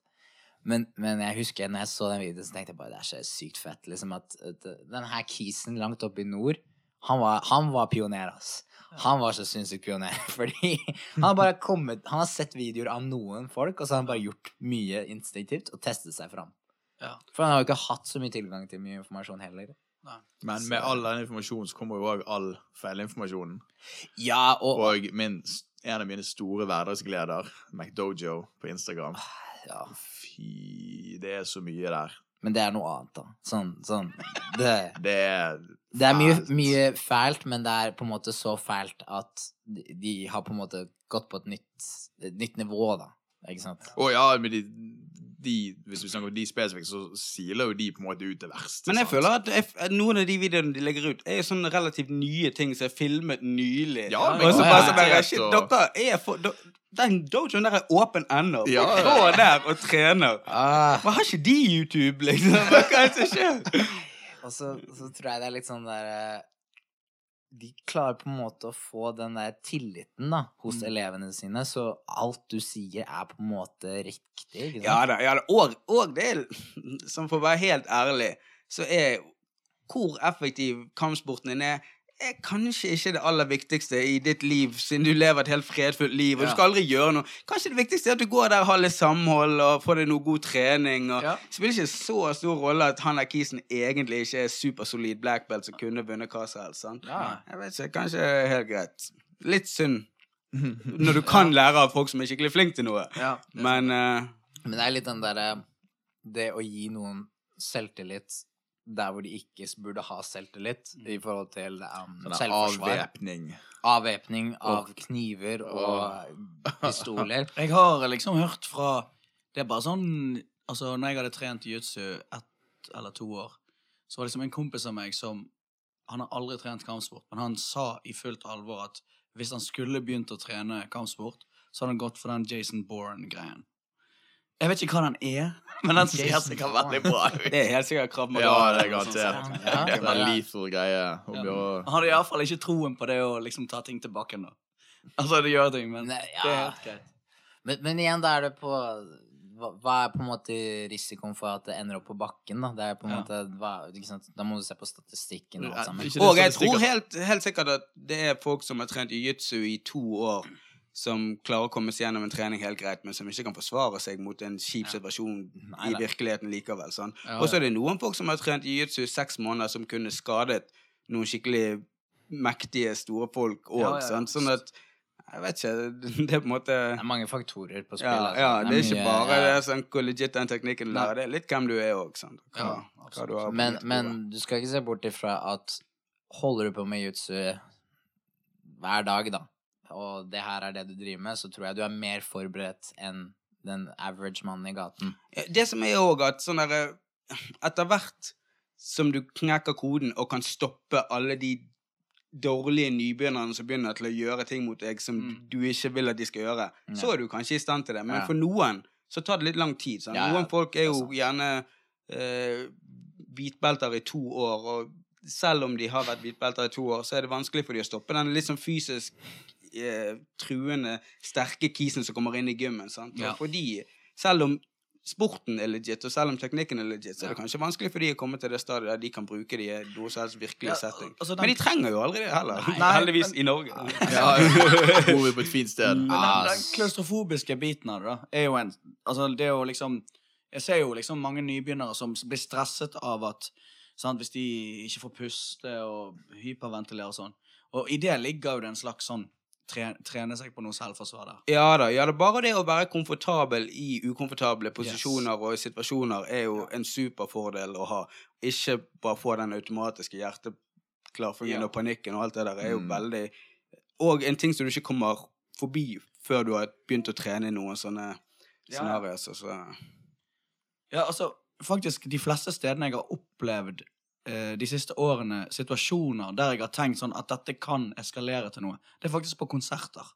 Mm. Når du står jævlig tett, så er det noen som blir jævlig forbanna hvis du kommer borti dem. Det der har alltid irritert meg. Jeg har aldri skjønt hvorfor folk rart. går på konserter med sånn sykt, sykt negativ sinnsstilling. Hvor de bare Jeg går på konserter for det er jævlig kult. Det skal Ja, liksom ja. være jævlig fett. Og så er det alltid en dette fyr Og som du vet borti. at det er ikke han som skubbet deg, som skubbet deg. Det er han Ja. som skubbet han som skubbet deg, Ja, som egentlig skubbet deg. Så du, du, Det 50 stykker du, du kan ikke drive og fordele sjøl. Dette her er en levende organisme du er med på. Hvis ikke du liker det, så må du gå utenfor. Det, det er ingen sin skyld, Nei. dette her. Det er din skyld for at du ble med på det. Jeg syns alltid noen som står og beefer på konserter. Ja, men det er veldig rart. Men det er faktisk det eneste stedet det er Men sånn det er jo, altså, folk er jo ute etter bråk også. Det er jo ikke Du må ikke se vekk fra det. Og nå er vi heldige at vi får ut mye frustrasjon gjennom trening. Jeg husker faktisk Vi var I sommer så var vi Jeg vet ikke hva som var greia, Vi var ute. Det var liksom folk fra Frontline. Så jeg husker vi sto utenfor. Det var en fyr som kom bort til Tariq. Han bare gikk forbi. Så bare gikk han sånn veldig sånn Han var drita full, så bare gikk han bort til Tariq. Og så snudde du deg, så bare gjorde du litt sånn Du bare så på han Ja, som stemmer det. Men du bare så på han som at liksom Liksom, hva skjer? Ikke noe sånn Du bare eh, anerkjente at han gikk i deg. Han bare forsvant videre. Men inni meg da så tenkte jeg Jeg har så lyst til å bare se at du Hæ? Ja. Nei, jeg kan ikke huske det. Nei, han gikk bare på deg. Jeg tror det var, det var sånn Det var, det var, det var et brøkdel av sekunder av en situasjon. Ja. Det var ikke en situasjon engang. Jeg, jeg tror du bare Det var liksom bare en fyr som bare- skulle Jeg vet ikke om han skulle bare forbi deg, og så bare Ja. peiste han litt i deg på veien. Og du er jo bare sånn blissfully happy, så du bare smiler og nesten vinker han av gårde. Ja. sant? Ja. Så det var bare litt nei. sånn unaturlig at han, han hadde fri bane, men han, Ja. det var helt unaturlig at han gikk på deg. da Ja. Men jeg sto med et ønske. Jeg har lyst til å bare se deg på en måte bare fullføre jeg, En du, god jeg sa det så sent som i går. En eller annen dag, for du er så jævlig hyggelig, en eller annen dag så kommer det begeret til Tariq til å tippe over. En eller annen dag så kommer han til å begynne å bli den douchebagen.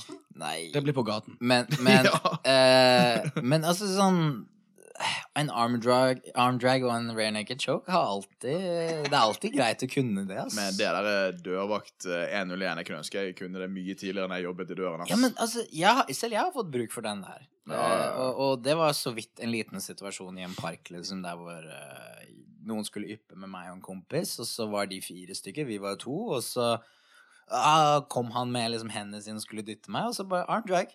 Rear naked choke. Ha det bra. liksom. Da hadde du trent ikke så lenge. Nei, da var jeg Jeg tror jeg var 17 eller 16 eller noe sånt, så jeg hadde trent i to år. Eller.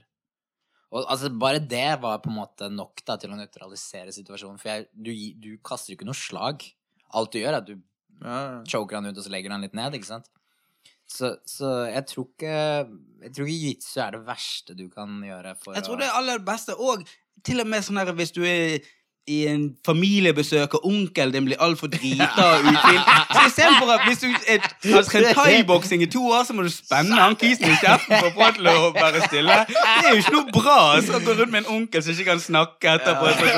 Hvis du kan bare sånn her en liten armbrag, er eskortere han, bare hjelpe han ut Ja. døren, bare sånn 'Onkel, sorry, nå må du gå hjem.' Og så kaster vi skoene dine ut vinduet. Det er mye bedre. Det er jævlig mye bedre.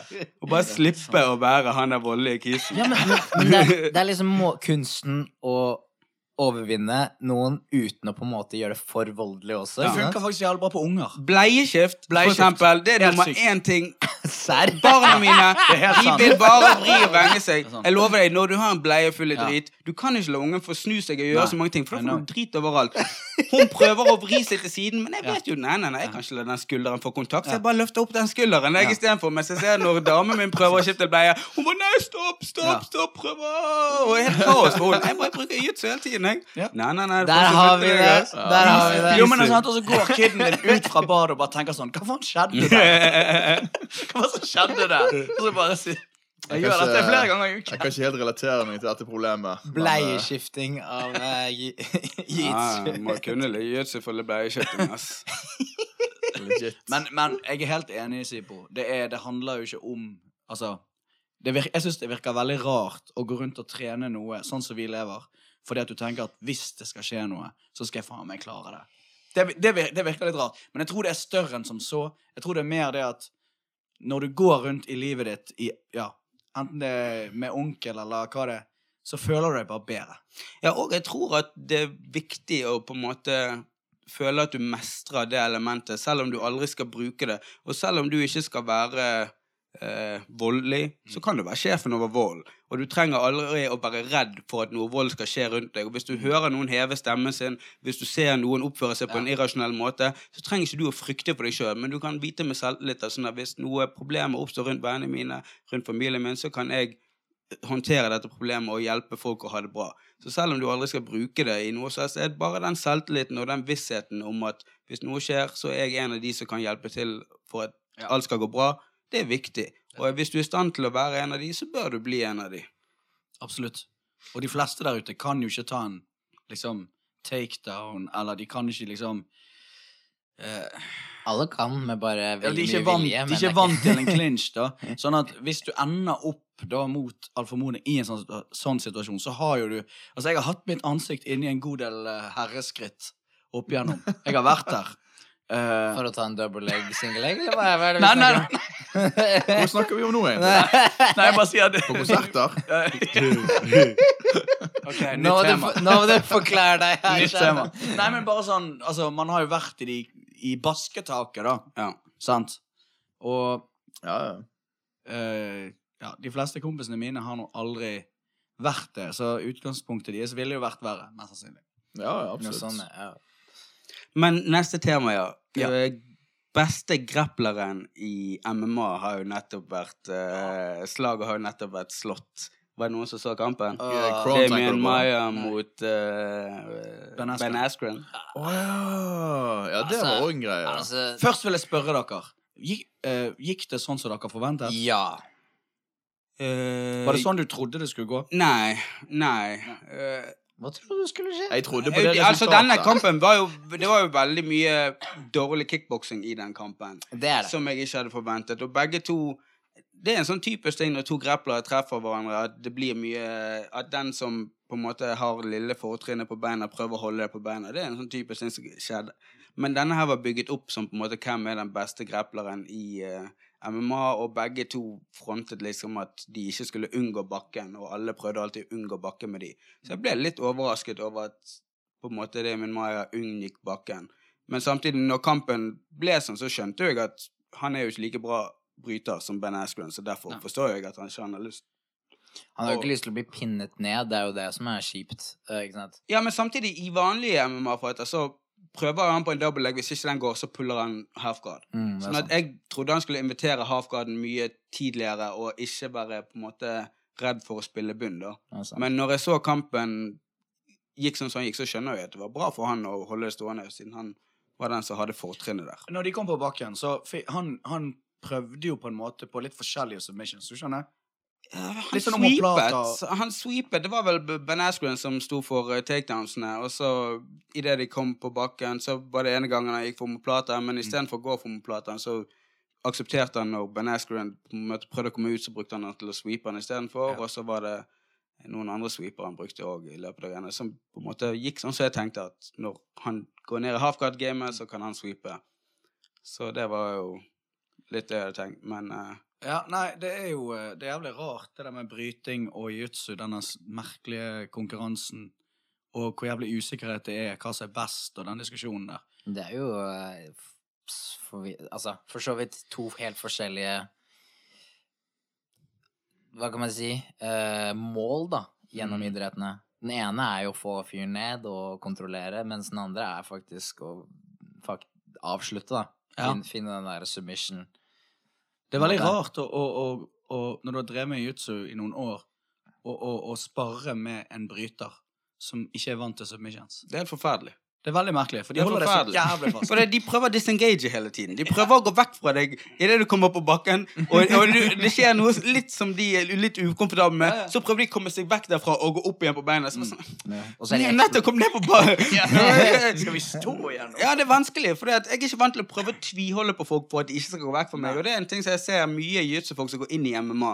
De klarer ikke helt eh, å snu hodet sitt til å tenke sånn der eh, Nå er ikke vi i en jiu-jitsu-kamp. Sånn at de prøver ofte å gjøre teknikker som er basert på at han andre kisen er interessert i å holde på med jiu-jitsu.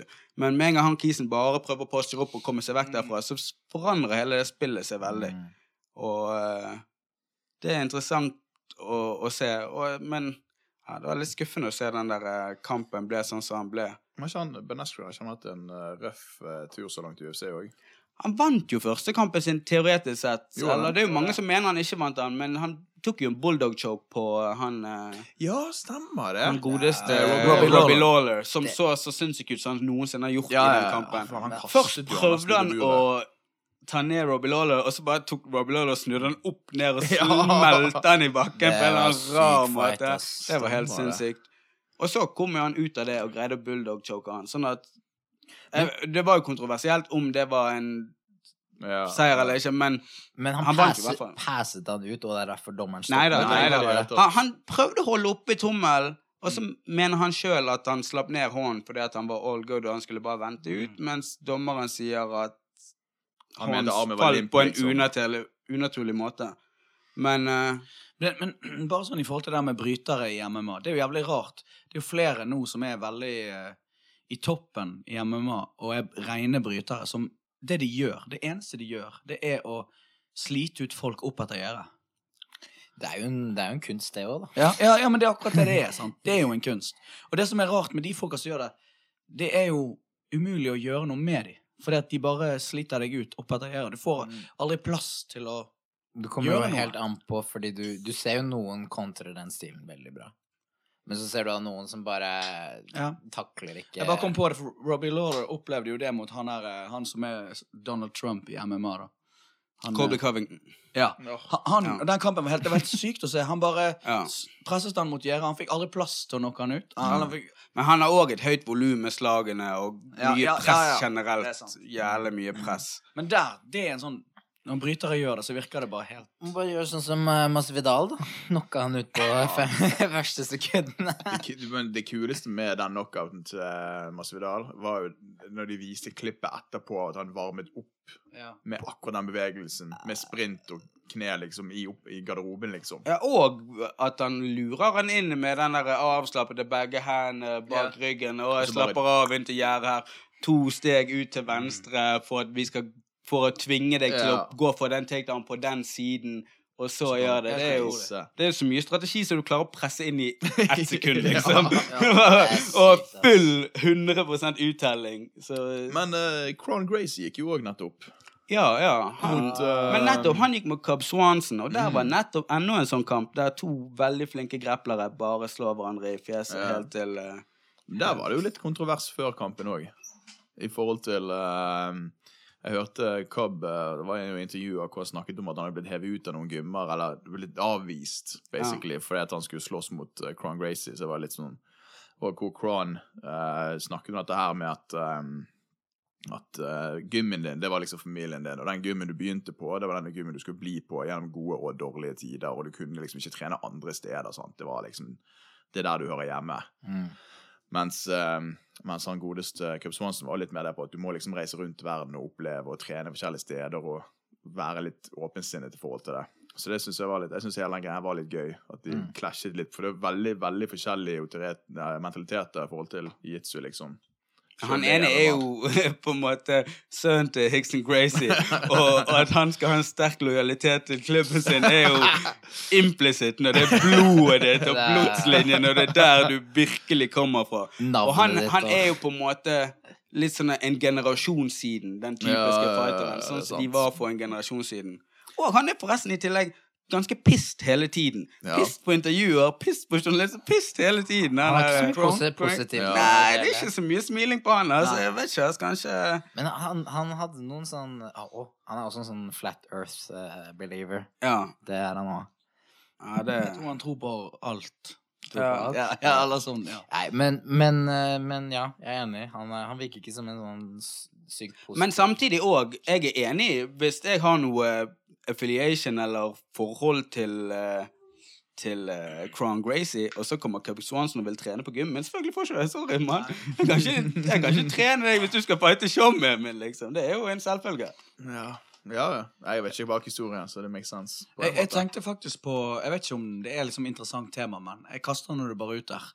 Uh, så, I forhold til når du trener i jutsu, når du har trent en stund, hvor mye vekt skal du ligge eh, på det at du har likt mindset som head-coachen på gymmen din?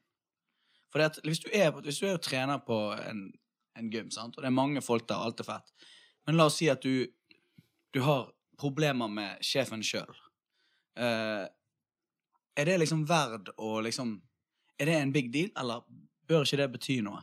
Du tenker på om du burde gjøre noe med ditt mindset, eller om du burde skifte klubb, eller hva For eksempel. Altså, jeg bare tenker Altså, tilfeldigvis nå så liker jeg veldig godt uh, han som driver vårt sted, da, men jeg bare har tenkt av og til på sånn du, du, Hvis du hører folk gi råd om jiu-jitsu, folk som har gjort det i mange år, så sier de sånn Finn en gym som passer for deg, og finn liksom en coach som funker for deg.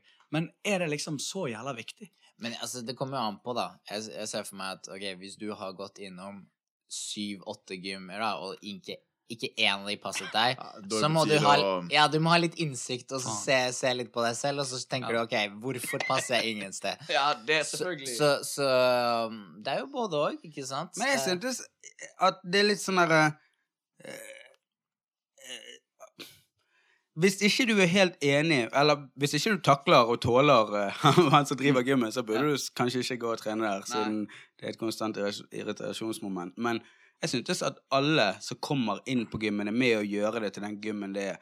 Og hvis du er enig med på en måte de og de tingene som eh, gjøres i gymmen, så er det viktig at du er der og på en måte representerer den siden av saken, og deretter skaper en helhetlighet i klubben, der at på en Mm. måte flest mulig synspunkter Jeg føler på ingen slags måte noe tvang eller noe eh, oppfordring til å bare falle inn og gjøre som lederen. Men Nei. jeg føler at alle burde komme inn og bidra med det de har å komme med. Og hvis du har et motgående synspunkt, så er det viktig at du òg er der og representerer det synspunktet. Kanskje snakker om det synspunktet. Kanskje til og med ditt synspunkt kan bli litt endret av treneren sitt. Kanskje hans synspunkt kan bli litt endret av deg. Men, men at det skal være en sånn her eh, En greie du deltar i. Nummer én, først og fremst respekter det er hans gym, det er deres gym. Ikke kom Ja. der og tro at du skal endre noe eller være den nye sjefen. Men jeg syns det er veldig viktig at alle kommer med sitt og Mm. bidrar med sitt, og ikke prøver å falle inn i en eller annen rekke eller å eh, konvertere til det trossystemet. For det er ikke sånn det er. sant? Nei, og så tror jeg at uh, vi er jo vant til kanskje mer sånn altså easy-going ledelse, da.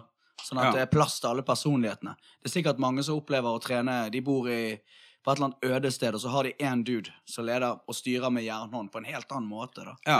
Da er det sikkert helt annerledes. Men sånn, jeg, jeg føler på en måte at nå er jeg kommet til denne gymmen som er veldig avslappet rundt regler og, og disiplin og, og sånne ting. Og, og Fivel er på en måte den siste personen i verden som hadde kommet og kjeftet på folk og gjort de og de tingene.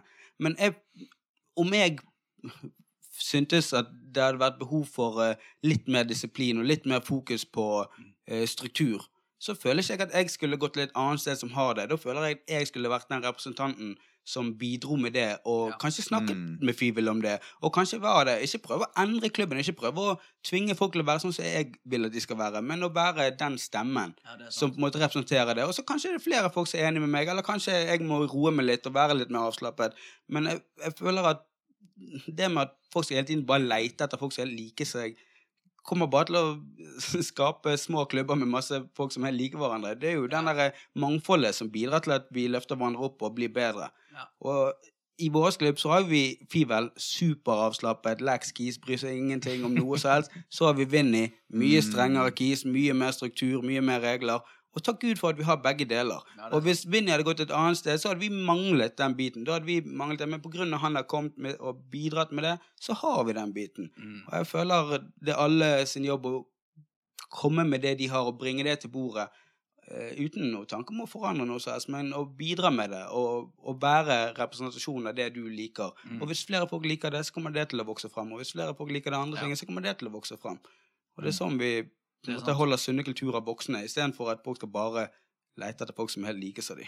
Men helt i begynnelsen så sa du det at hvis du, hvis du er på trening og du er i konstant irritasjonsmoment at det er, da synes du det, da er det greit å vurdere å skifte gym. Ja da, ja da. Det viktigste er jo at du kommer der og koser deg og har det bra. Hvis, Mm. hvis det er noen ting der som plager deg så mye at du ikke har lyst til å være rundt det, så er det mye bedre at du går et annet sted og ser om du finner det, enn at du skal prøve å, å lage revolusjon. Sant? For det er ikke Mm. det det handler om. Det handler om at du kan bidra til et samfunn, men det handler om små steg av gangen. Men hvis du ser at det steget som skal til for at du koser deg, det er kvantesteg, et enormt stort steg, at alt må bli helt annerledes for at du skal like det, da er det sikkert mye lurere å gå videre. Men hvis du kjenner at alt er litt bra her, jeg skulle ønske det var litt mer sånn som dette her, Mm. så må du komme med og bidra med litt sånn som dette her, og så må du bringe det til bordet.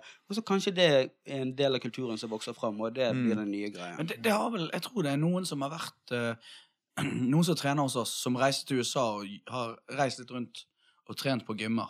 Og de sier det at eh, Eller jeg mener at det var liksom en sånn greie at når du besøker gymmer, så plutselig er du på en gym hvor det er mye mer etikette. Og hvor det er mye mer liksom annen stil. Og det er jo bare litt uvant for oss. Men for de som er der, så kan det være sånn Dette er jo dødsfett. Vi digger det, liksom. At det er Jeg tenker jo, altså, jiu-jitsu har jo mange etiketter, da. Mm. Sånn sett, egentlig. Men Eh, hvis du kommer fra ingenting, så kanskje det er mange ting å gjøre, å stille seg opp på en rekke og bukke, og vi Mm. sier jo sensei jo oss, og vi gjør jo hele den greien der. Kanskje det er mye for noe. Sant? mm. Ja.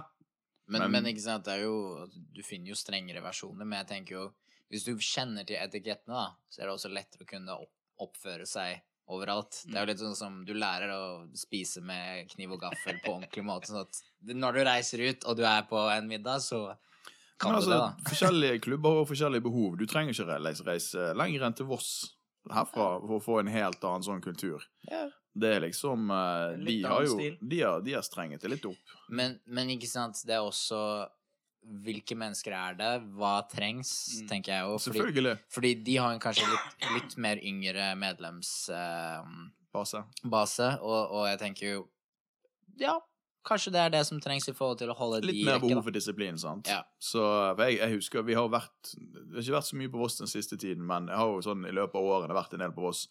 Og da husker jeg at før så var det litt mer sånn chill atmosfære, og så nå når jeg var der oppe sist, så plutselig så ble det sånn Å, helvete! Så måtte vi stille oss opp og, i sånn formasjon, og jeg måtte finne plassen min mellom haug med greier, og frem og tilbake, og sånn som i Bergen, sant. Vi, vi gjør jo ikke striper på fargebelter, så folk står jo bare i hytt og pine. Det, har vi, det er jo bare det 15 blå belter oppover. Det er ingenting å si hvem som står hvor. Sant? Mens på Voss så ble jeg flyttet rundt, for jeg bare stilte meg i stedet, og så begynte alle å dytte meg nedover. og jeg var sånn, ja, ja, men det, men det er deres system og deres greie, sant? og det er jo helt chill. Og hvis de har sett det behovet for at de trenger litt mer disiplin, så er jo det noe de har tatt tak i. Det er faktisk én ting Altså, nå kommer jo jeg fra Som musiker så har jo jeg vokst opp i en verden av bullshit. Altså Anarki. Vært på veien i varebiler i hele mitt voksne liv. Og det er én ting jeg sitter veldig pris på. Det er det at når en fyr viser en jiu-jitsu-teknikk, så blir jeg utrolig provosert når noen maser. Samme, samme for meg. Veldig Jeg syns Respektløst. Jeg syns i det store og hele uh, Sånn som ofte etter treninger, så blir jeg igjen, og så Ja. plutselig tar jeg sin uh, time. Og så skal han begynne å vise, Mm. begynne å vise teknikken. Og gjerne når, når du holder på å drille, så sitter jeg på og snakker lax med han kameraten ved siden av meg. Men med en gang tar jeg sier sånn OK, da skal vi gå videre til neste ting, så må jeg holde kjeft. Og hvis han kameraten ved siden av meg bare sitter og prater videre Ja, oppi det hele, det, det stresser meg ut. Og bare sånn, nei, nei, nei, det er ikke dette som er tiden Nei. akkurat den tiden er det viktig for alle de at de skal høre dette her, så da må alle her holde kjeft. Og sånne ting som det, sant, det, det er vi for lax på i vår klubb, sant. Og da, da er det min jobb å, å si hysj til han ved siden av meg. Da er det min jobb å si fra Nå må du nå skal vi være stille. Og jeg husker til og med da jeg begynte, der var det flere ganger jeg måtte hysje på høyere belter enn meg, fordi at de bare ikke brydde seg om, om, om den greien. Og da føler jeg det er viktig for meg å vise den form for respekt. Og da er det jeg, det jeg bringer til bordet. Enig. Å si hysj. Og eh, jeg føler òg respekt for teknikken, faktisk. For det, altså, at, det jo- Bare at liksom, hvis du driller han, så må du på en måte Jeg, jeg vet ikke, jeg, jeg blir av og til litt usikker hvis jeg driller, spesielt kanskje med litt nyere folk som de bare gjør han, og så er det helt sånn For jeg, Kanskje fordi at jeg har ofte sliter med å lære meg nye teknikker. Jeg syns det er vanskelig. Og derfor så har jeg vant til å bli eh, at liksom Nei, du gjør feil. Nei, det er feil. Du gjør det ikke riktig. Og så ser jeg at folk på en måte heller bare Dette er fem minutter, vi skal bare gjøre noe. Og det òg syns jeg er litt sånn Jeg vet ikke, Der syns jeg disiplin-biten er jævlig viktig. For hva er vitsen hvis det ikke Men Jeg forsto ikke helt hva du Nei, det jeg mener er at det er av og til at La oss si at Tariq viser en sweep, og så begynner jeg også å drille med en person som ikke har gått der så lenge, og så gjør han den sweepen med to ganger, og så er jeg ikke i nærheten av å gjøre det riktig, og sier han 'din tur'. Så føler jeg det er litt sånn Det kan være Jeg føler det kan være litt respektløst mot det er sånn Det er, det Ja, er men det går kun utover de, så det, det, Ja, det er jo greit Jeg, jeg forstår hva du mener. Men da har jeg lyst til å si sånn Liksom, du er ikke i nærheten. Skjerp ja da, ja da, men det, du, det er din jobb å gjøre. Men, men, men, men bare fordi at jeg sjøl. Altså synes ting er vanskelig Og, Ja, ja, men altså, du Jeg er vant til det. folk, folk, er jo, folk er jo der for forskjellige grunner, og, Ja. og um, altså Noen har kun lyst til å spare, andre legger Ja. stor eh, nytt Altså legger mye fokus i teknikkene, elsker å drille, og, og eh, for å være helt ærlig, som også som instruktør, så er det mye mer engasjerende når elevene er like engasjert tilbake på teknikken, ikke sant? Mm. Så, så hva du gir, får du tilbake igjen, ikke sant? Det er litt sånn. Og, og ja, det er din rolle der. Du må bare, Ja. du må bare si at uh... Det er ikke det at jeg kan teknikken bedre enn han duden. Det er bare det at vi må iallfall prøve. nei, men, nei, men du kan jo Altså, det fins jo veldig passive måter å si det på. Eller passiv-aggressive. Sånn uh, «Ei, Men er du sikker på at du gjør den riktig nå, eller Ikke sant? Ja, men altså Det er bare å sånn- gjøre litt mer motstand sånn at det ikke funker. Ja, ikke sant? Skal jeg prøve nå med litt motstand, så ser vi om du gjør det riktig? Ja. Eller det beste er jo når du driller, og så vil de terpe på noe annet. Og en ting som jeg sa, eh, det er viktig å prøve å endre det for å få det til å bli sånn som du vil ha. En ting jeg feilet miserably med i begynnelsen, da jeg gikk på de nybegynnertreningene hele tiden, så var det aldri nok plass til at folk kunne spare. Og så satt alltid folk langs alle veggene. Så det var så mye av plassen som bare ble gjort bort på at Ja. eh, folk satt på den Det er fire vegger. de aller beste eh, høyeste beltene de sitter helt oppe med treneren på den veggen. Og så har du en liten fraksjon som sitter på den andre veggen der og preiker. Og så har du andre fraksjon som sitter der. Og så har du alle fire veggene helt dekket opp, sånn at mye av matteplassen går vekk. Så flere ganger prøvde jeg spurte Fyvel, det er greit om jeg prøver å samle dem på ett sted, sånn at vi får mer ja. matteplass. Og så Fyvel, ja, det er greit. Så prøvde jeg sikkert i flere uker på rad. Bare, Ja. Alle sammen som ikke sparer bort på den veggen der. Fyll opp, det, fyll opp den siden der. Og så så folk på meg sånn derre Whatever, nigger. og så Noen gikk bort, noen gjorde ikke det. Og så prøvde jeg det eh, så to uker, tre uker, og så til slutt så de på meg bare sånn herre skal du virkelig gjøre det igjen? Og da bare sluttet jeg å gjøre det. For det var ikke stemning på å gjøre det. Jeg prøvde, men det var ikke stemning på det. Så belitet jeg meg. Men jeg husker sånn apropos sånne autoritetsfigurer Det, det er en sykt morsom uh, Det er en sykt morsom dynamikk når en sånn autoritetsfigur som er veldig vant La oss si at du hadde vært den personen som alltid går og kjefter på folk og setter folk på plass og sånn, og så reiser du til en annen gym. Og det, hadde, det husker jeg. Det var en av mine første opplevelser med et høyere belte fra uh, Oslo. Var uh, søte Martin Moen. Søte Martin Moen kom til Bergen eh, som brunbelte og hadde sånn Kimura-seminar eller trening med oss og sånn. Og eh, jeg har aldri, aldri blitt sittet så hardt på plass som jeg ble den dagen. For da, de har jo veldig sånn Sånn som jeg har forstått det, så er det veldig sånn uh, frowned upon liksom drive og ta av seg gien under trening og sånn. sant? Ja, du, du kan kun ta deg inn etter at Ja. du har booket. Og liksom, Så jeg, jeg, jeg, var, jeg var sånn halvveis semiskadet på den tiden, tror jeg. Jeg husker i hvert fall jeg skulle ikke sparre. Så vi har liksom gjort hele treningen og sånn. Og så når vi skulle sparre, så satt vi bort med vinduene langt utenfor matten. Tok ingen plass eller sånt. Så tok jeg av meg gi-jakken, og så hadde jeg på meg singlet under. Og dette er sånn early days. Jeg hadde ikke rashguards på den tiden. Og så husker jeg jeg skulle tøye eller noe sånt. Og så lå, så lå der og gjorde greier min, sant? og så kom Martin sånn trampende bort på tvers av hele rommet, gikk rett over alle som sparret, og bare stilte seg sånn ti centimeter over meg og bare så rett ned på meg og begynte å hyle på meg til jeg tok på meg gi-jakken min. Og det var en veldig rar opplevelse, fordi han gjør jo det som som han er vant til å gjøre i sin autoritetsfigur der han trener, sant. Men jeg skjønte, jeg visste ikke hvordan jeg skulle reagere på det, for han er på en måte ikke en del av vår klubb, men så er han det på en måte likevel. Men hadde han litt humor, eller var det nei, nei, det var Nei. beinhardt. Det var ingen smil. Martin Moen her. Uh, han er på en måte the gym enforcer som man trenger, Ja. men, men uh, kanskje ikke alle elsker. Men det er så bra. Det er så bra. Jeg elsker uh... Jo da, det er fin han. Ja, men, men nei, du, så- du, litt sånn mutt, så satt du og tok på deg gien da etterpå. Ja, jeg måtte jo ta på meg gien, tok på meg belte og bare satt der og ventet til treningen var ferdig. Og siden den dag, jeg tror genuint siden den dag, så har jeg aldri tatt av meg gi-jakken før treningen er over. Det har bare sittet med meg. Det er det du må gjøre, mann. Ja, ja, men det er bare Nei, jeg belitet meg. Jeg belitet Ja, meg. Ingen Jeg ville det. På en, jeg tenkte dette er en mye bedre utnyttelse av kvadratmeterne vi har, gutter. Ja. Alle bare samler seg der, så får vi enda flere folk på mattene. Mer sparring.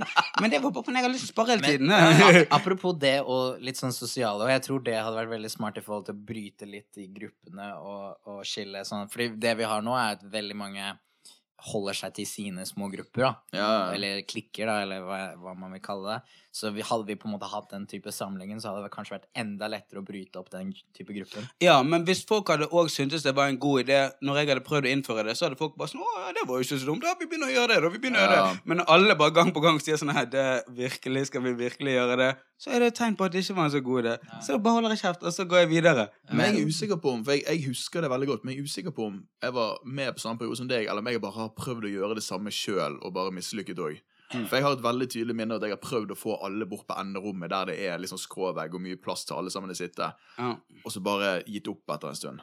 Mm. Men jeg, jeg har gjort noe lignende sånn, i forhold til bager, for eksempel. Eh, det at folk legger bagene sine rundt hele matten, det er jo helt håpløst. Ja, Spesielt på lillerommet. Uh, så da, da bare sier jeg Du, alle sammen, legg det, det der borte. Det, det skjer ikke at vi skal ha bagene rundt i en sånn sirkel. Jeg tror faktisk ikke du kunne sagt noe som helst til meg der jeg hadde følt liksom at du var streng. Det er jo noe med vesenet ditt. Ja, men, Det er noe men, med vesenet men ditt. Da må du komme på en Nogi-time, da, så skal du se. Ja, kom der. Han, han kom én gang. Kom aldri, kom aldri igjen. Aldri, Nei. aldri mer. Nei, altså, det er jo, det er jo logikk. Det at ok, vi skal ikke ha vannflasker som står ute på Ja, ja. sånn at folk kan lande oppå det og skade seg. ikke sant? Mm. Det sier seg selv. Og når du snakker logikk til mennesker, så, så er det litt sånn OK, ja, greit, da. Greit, da. Og- Men, men uh, jury var jo på besøk. Ja. Han uh, husker jeg uh, den ene timen. så var det en som uh, lå henslengt. Og så sa han Han begynte å vise en teknikk sånn Excuse me, can you please sit up when I talk? Eller et eller annet. Nei, det var jævlig morsomt, for jeg, tror, jeg lurer på om det var filmet. Jeg tror det ble filmet, skjønner du. Ja, okay. Og jeg lurer på om jeg har den filmen. Det skal jeg sjekke. For det, det, tingen er at han viser, han viser, nei da, han viser en teknikk, sant? Og så ser du at han er tydelig irritert, for mens han viser teknikken, så er litt sånn Og så ser han liksom hele tiden bort til siden, men fra kamera som filmer, så ser du ikke hva han ser på. Eh, men så er det en, en person som istedenfor å sitte enten på ræven eller på knærne, eller sånt, mens han viser teknikken, så er det en som ligger liksom, du er sånn siden med langstrekt på gulvet med hviler Pose, modellpose. Yeah, like one of the Ja, ja. Basically. Og uh, det var så sykt morsomt. Det var en eller annen greie hvor han liksom driver og reiser seg opp, og så ser du han hele tiden bare ser bort på denne greien der. For det var sånn det ser ut som han prøvde å samle energi til å rolig be han om å sitte seg opp, istedenfor å bare bjeffe. Men han er jo tydeligvis vant Altså, Alle har sine, sine Ja, ting de føler er respektløse, og si, sine ting de mener er Og det jeg mener at alle er så ulike, og alle har på en måte eh, så Mm. mye å bidra med. Mm. Og mange av de tingene kan være med å bedre ting. Og mange av de tingene forsvinner hvis du bare skal gå, hvis ikke det er akkurat sånn som du vil ha. Så alle må bare bidra med det gode de har å komme med. Og hvis ikke det gode de har å komme med, blir veldig tatt imot, så må du bare svelge det. Men, der- men der føler jeg sånn som det å sitte oppreist og fokusere blir enda viktigere i f.eks. ungdoms- eller kids-timene. Mm. Det, du må ha struktur på det. Alle må på en måte være på plass Mm. før du begynner å på en måte vise noe. eller noe sånt. Mens i, altså når du har voksentimer, og da er det litt mer ditt eget ansvar at du følger med, føler jeg. Mm. Så, så det at du ligger og slenger deg der borte på en måte og ikke er i fullt fokus og følger med, det er din feil. det går, det går utover deg. Det er ikke sant? Men òg grunnen til at kanskje jeg blir irritert når jeg hører noen snakke mens noen viser eh, Mm. teknikker, er fordi at jeg er en mad ADHD-kis som ikke klarer å konsentrere meg. Hvis det ikke er åtte ting i det rommet, da prøver jeg å følge med på de åtte tingene samtidig. Og det går ikke an. Men- Jeg trenger å holde fokuset mitt på den ene tingen som gjør akkurat da, så Mm. må fokuset mitt være der. Jeg setter veldig pris på at du hysjer folk. Ja, du Ja. må det. Du må det, altså, for det, det, det er det som skal til for at jeg har det bedre. Det er ikke sikkert alle trenger det. Så hvis ikke du trenger det, så er det ikke din jobb å hysje på dem. Mm. Men da er det min jobb å gjøre det. Nei, men det er, en, det er enda mer stress for meg mens jeg underviser å måtte hysje på folk som Ja, står nettopp. rundt. ikke sant? nettopp. Så, Det er lettere, det er sånn, Hvis du underviser og jeg er med deg, så er det lettere for meg å gjøre det. Ja, ja, ikke sant? Det sier jo litt Ja, og det dreper litt av stemningen hvis han Jeg gir eh, bort Hvis sjefen må være den autoritære, autoritære som Mhm. hele tiden må stenge ned ting. Derfor føler jeg at litt at de rundt må ta sin del av ansvaret for å holde det på en måte som gjør det best for alle. For det, det er jo best for alle òg at treneren og den som viser instruksene, bare kan fokusere på det, Mm. og ikke trenger å kjefte på folk eller si negativt. Så hvis jeg oppdager et eller annet, så ville jeg aldri gått til Fivel og sagt det for at han skal si noe. Da ville jeg heller tatt det med de sjøl. Sånn at Ja. de kan fortsatt ha det fine forholdet til Fivel, jeg kan fortsatt ha det fine på, og alt kan være smooth sånn. Mm. Uh, jo mindre sånn der uh, Jo høyere opp du kommer, jo bedre er det hvis du slipper å bruke masse makt. sant? Mm. Så hvis vi er på samme plan, så er det bedre at jeg sier det til deg, at han høyt oppe må si det til deg, på en måte. Føler jeg. Det, det høres Jeg tror sant òg at uh, det virker som om Fivel setter jævlig pris på at de som er med og bidrar til miljøet han, han sier jo det flere ganger. Han har jo sagt det.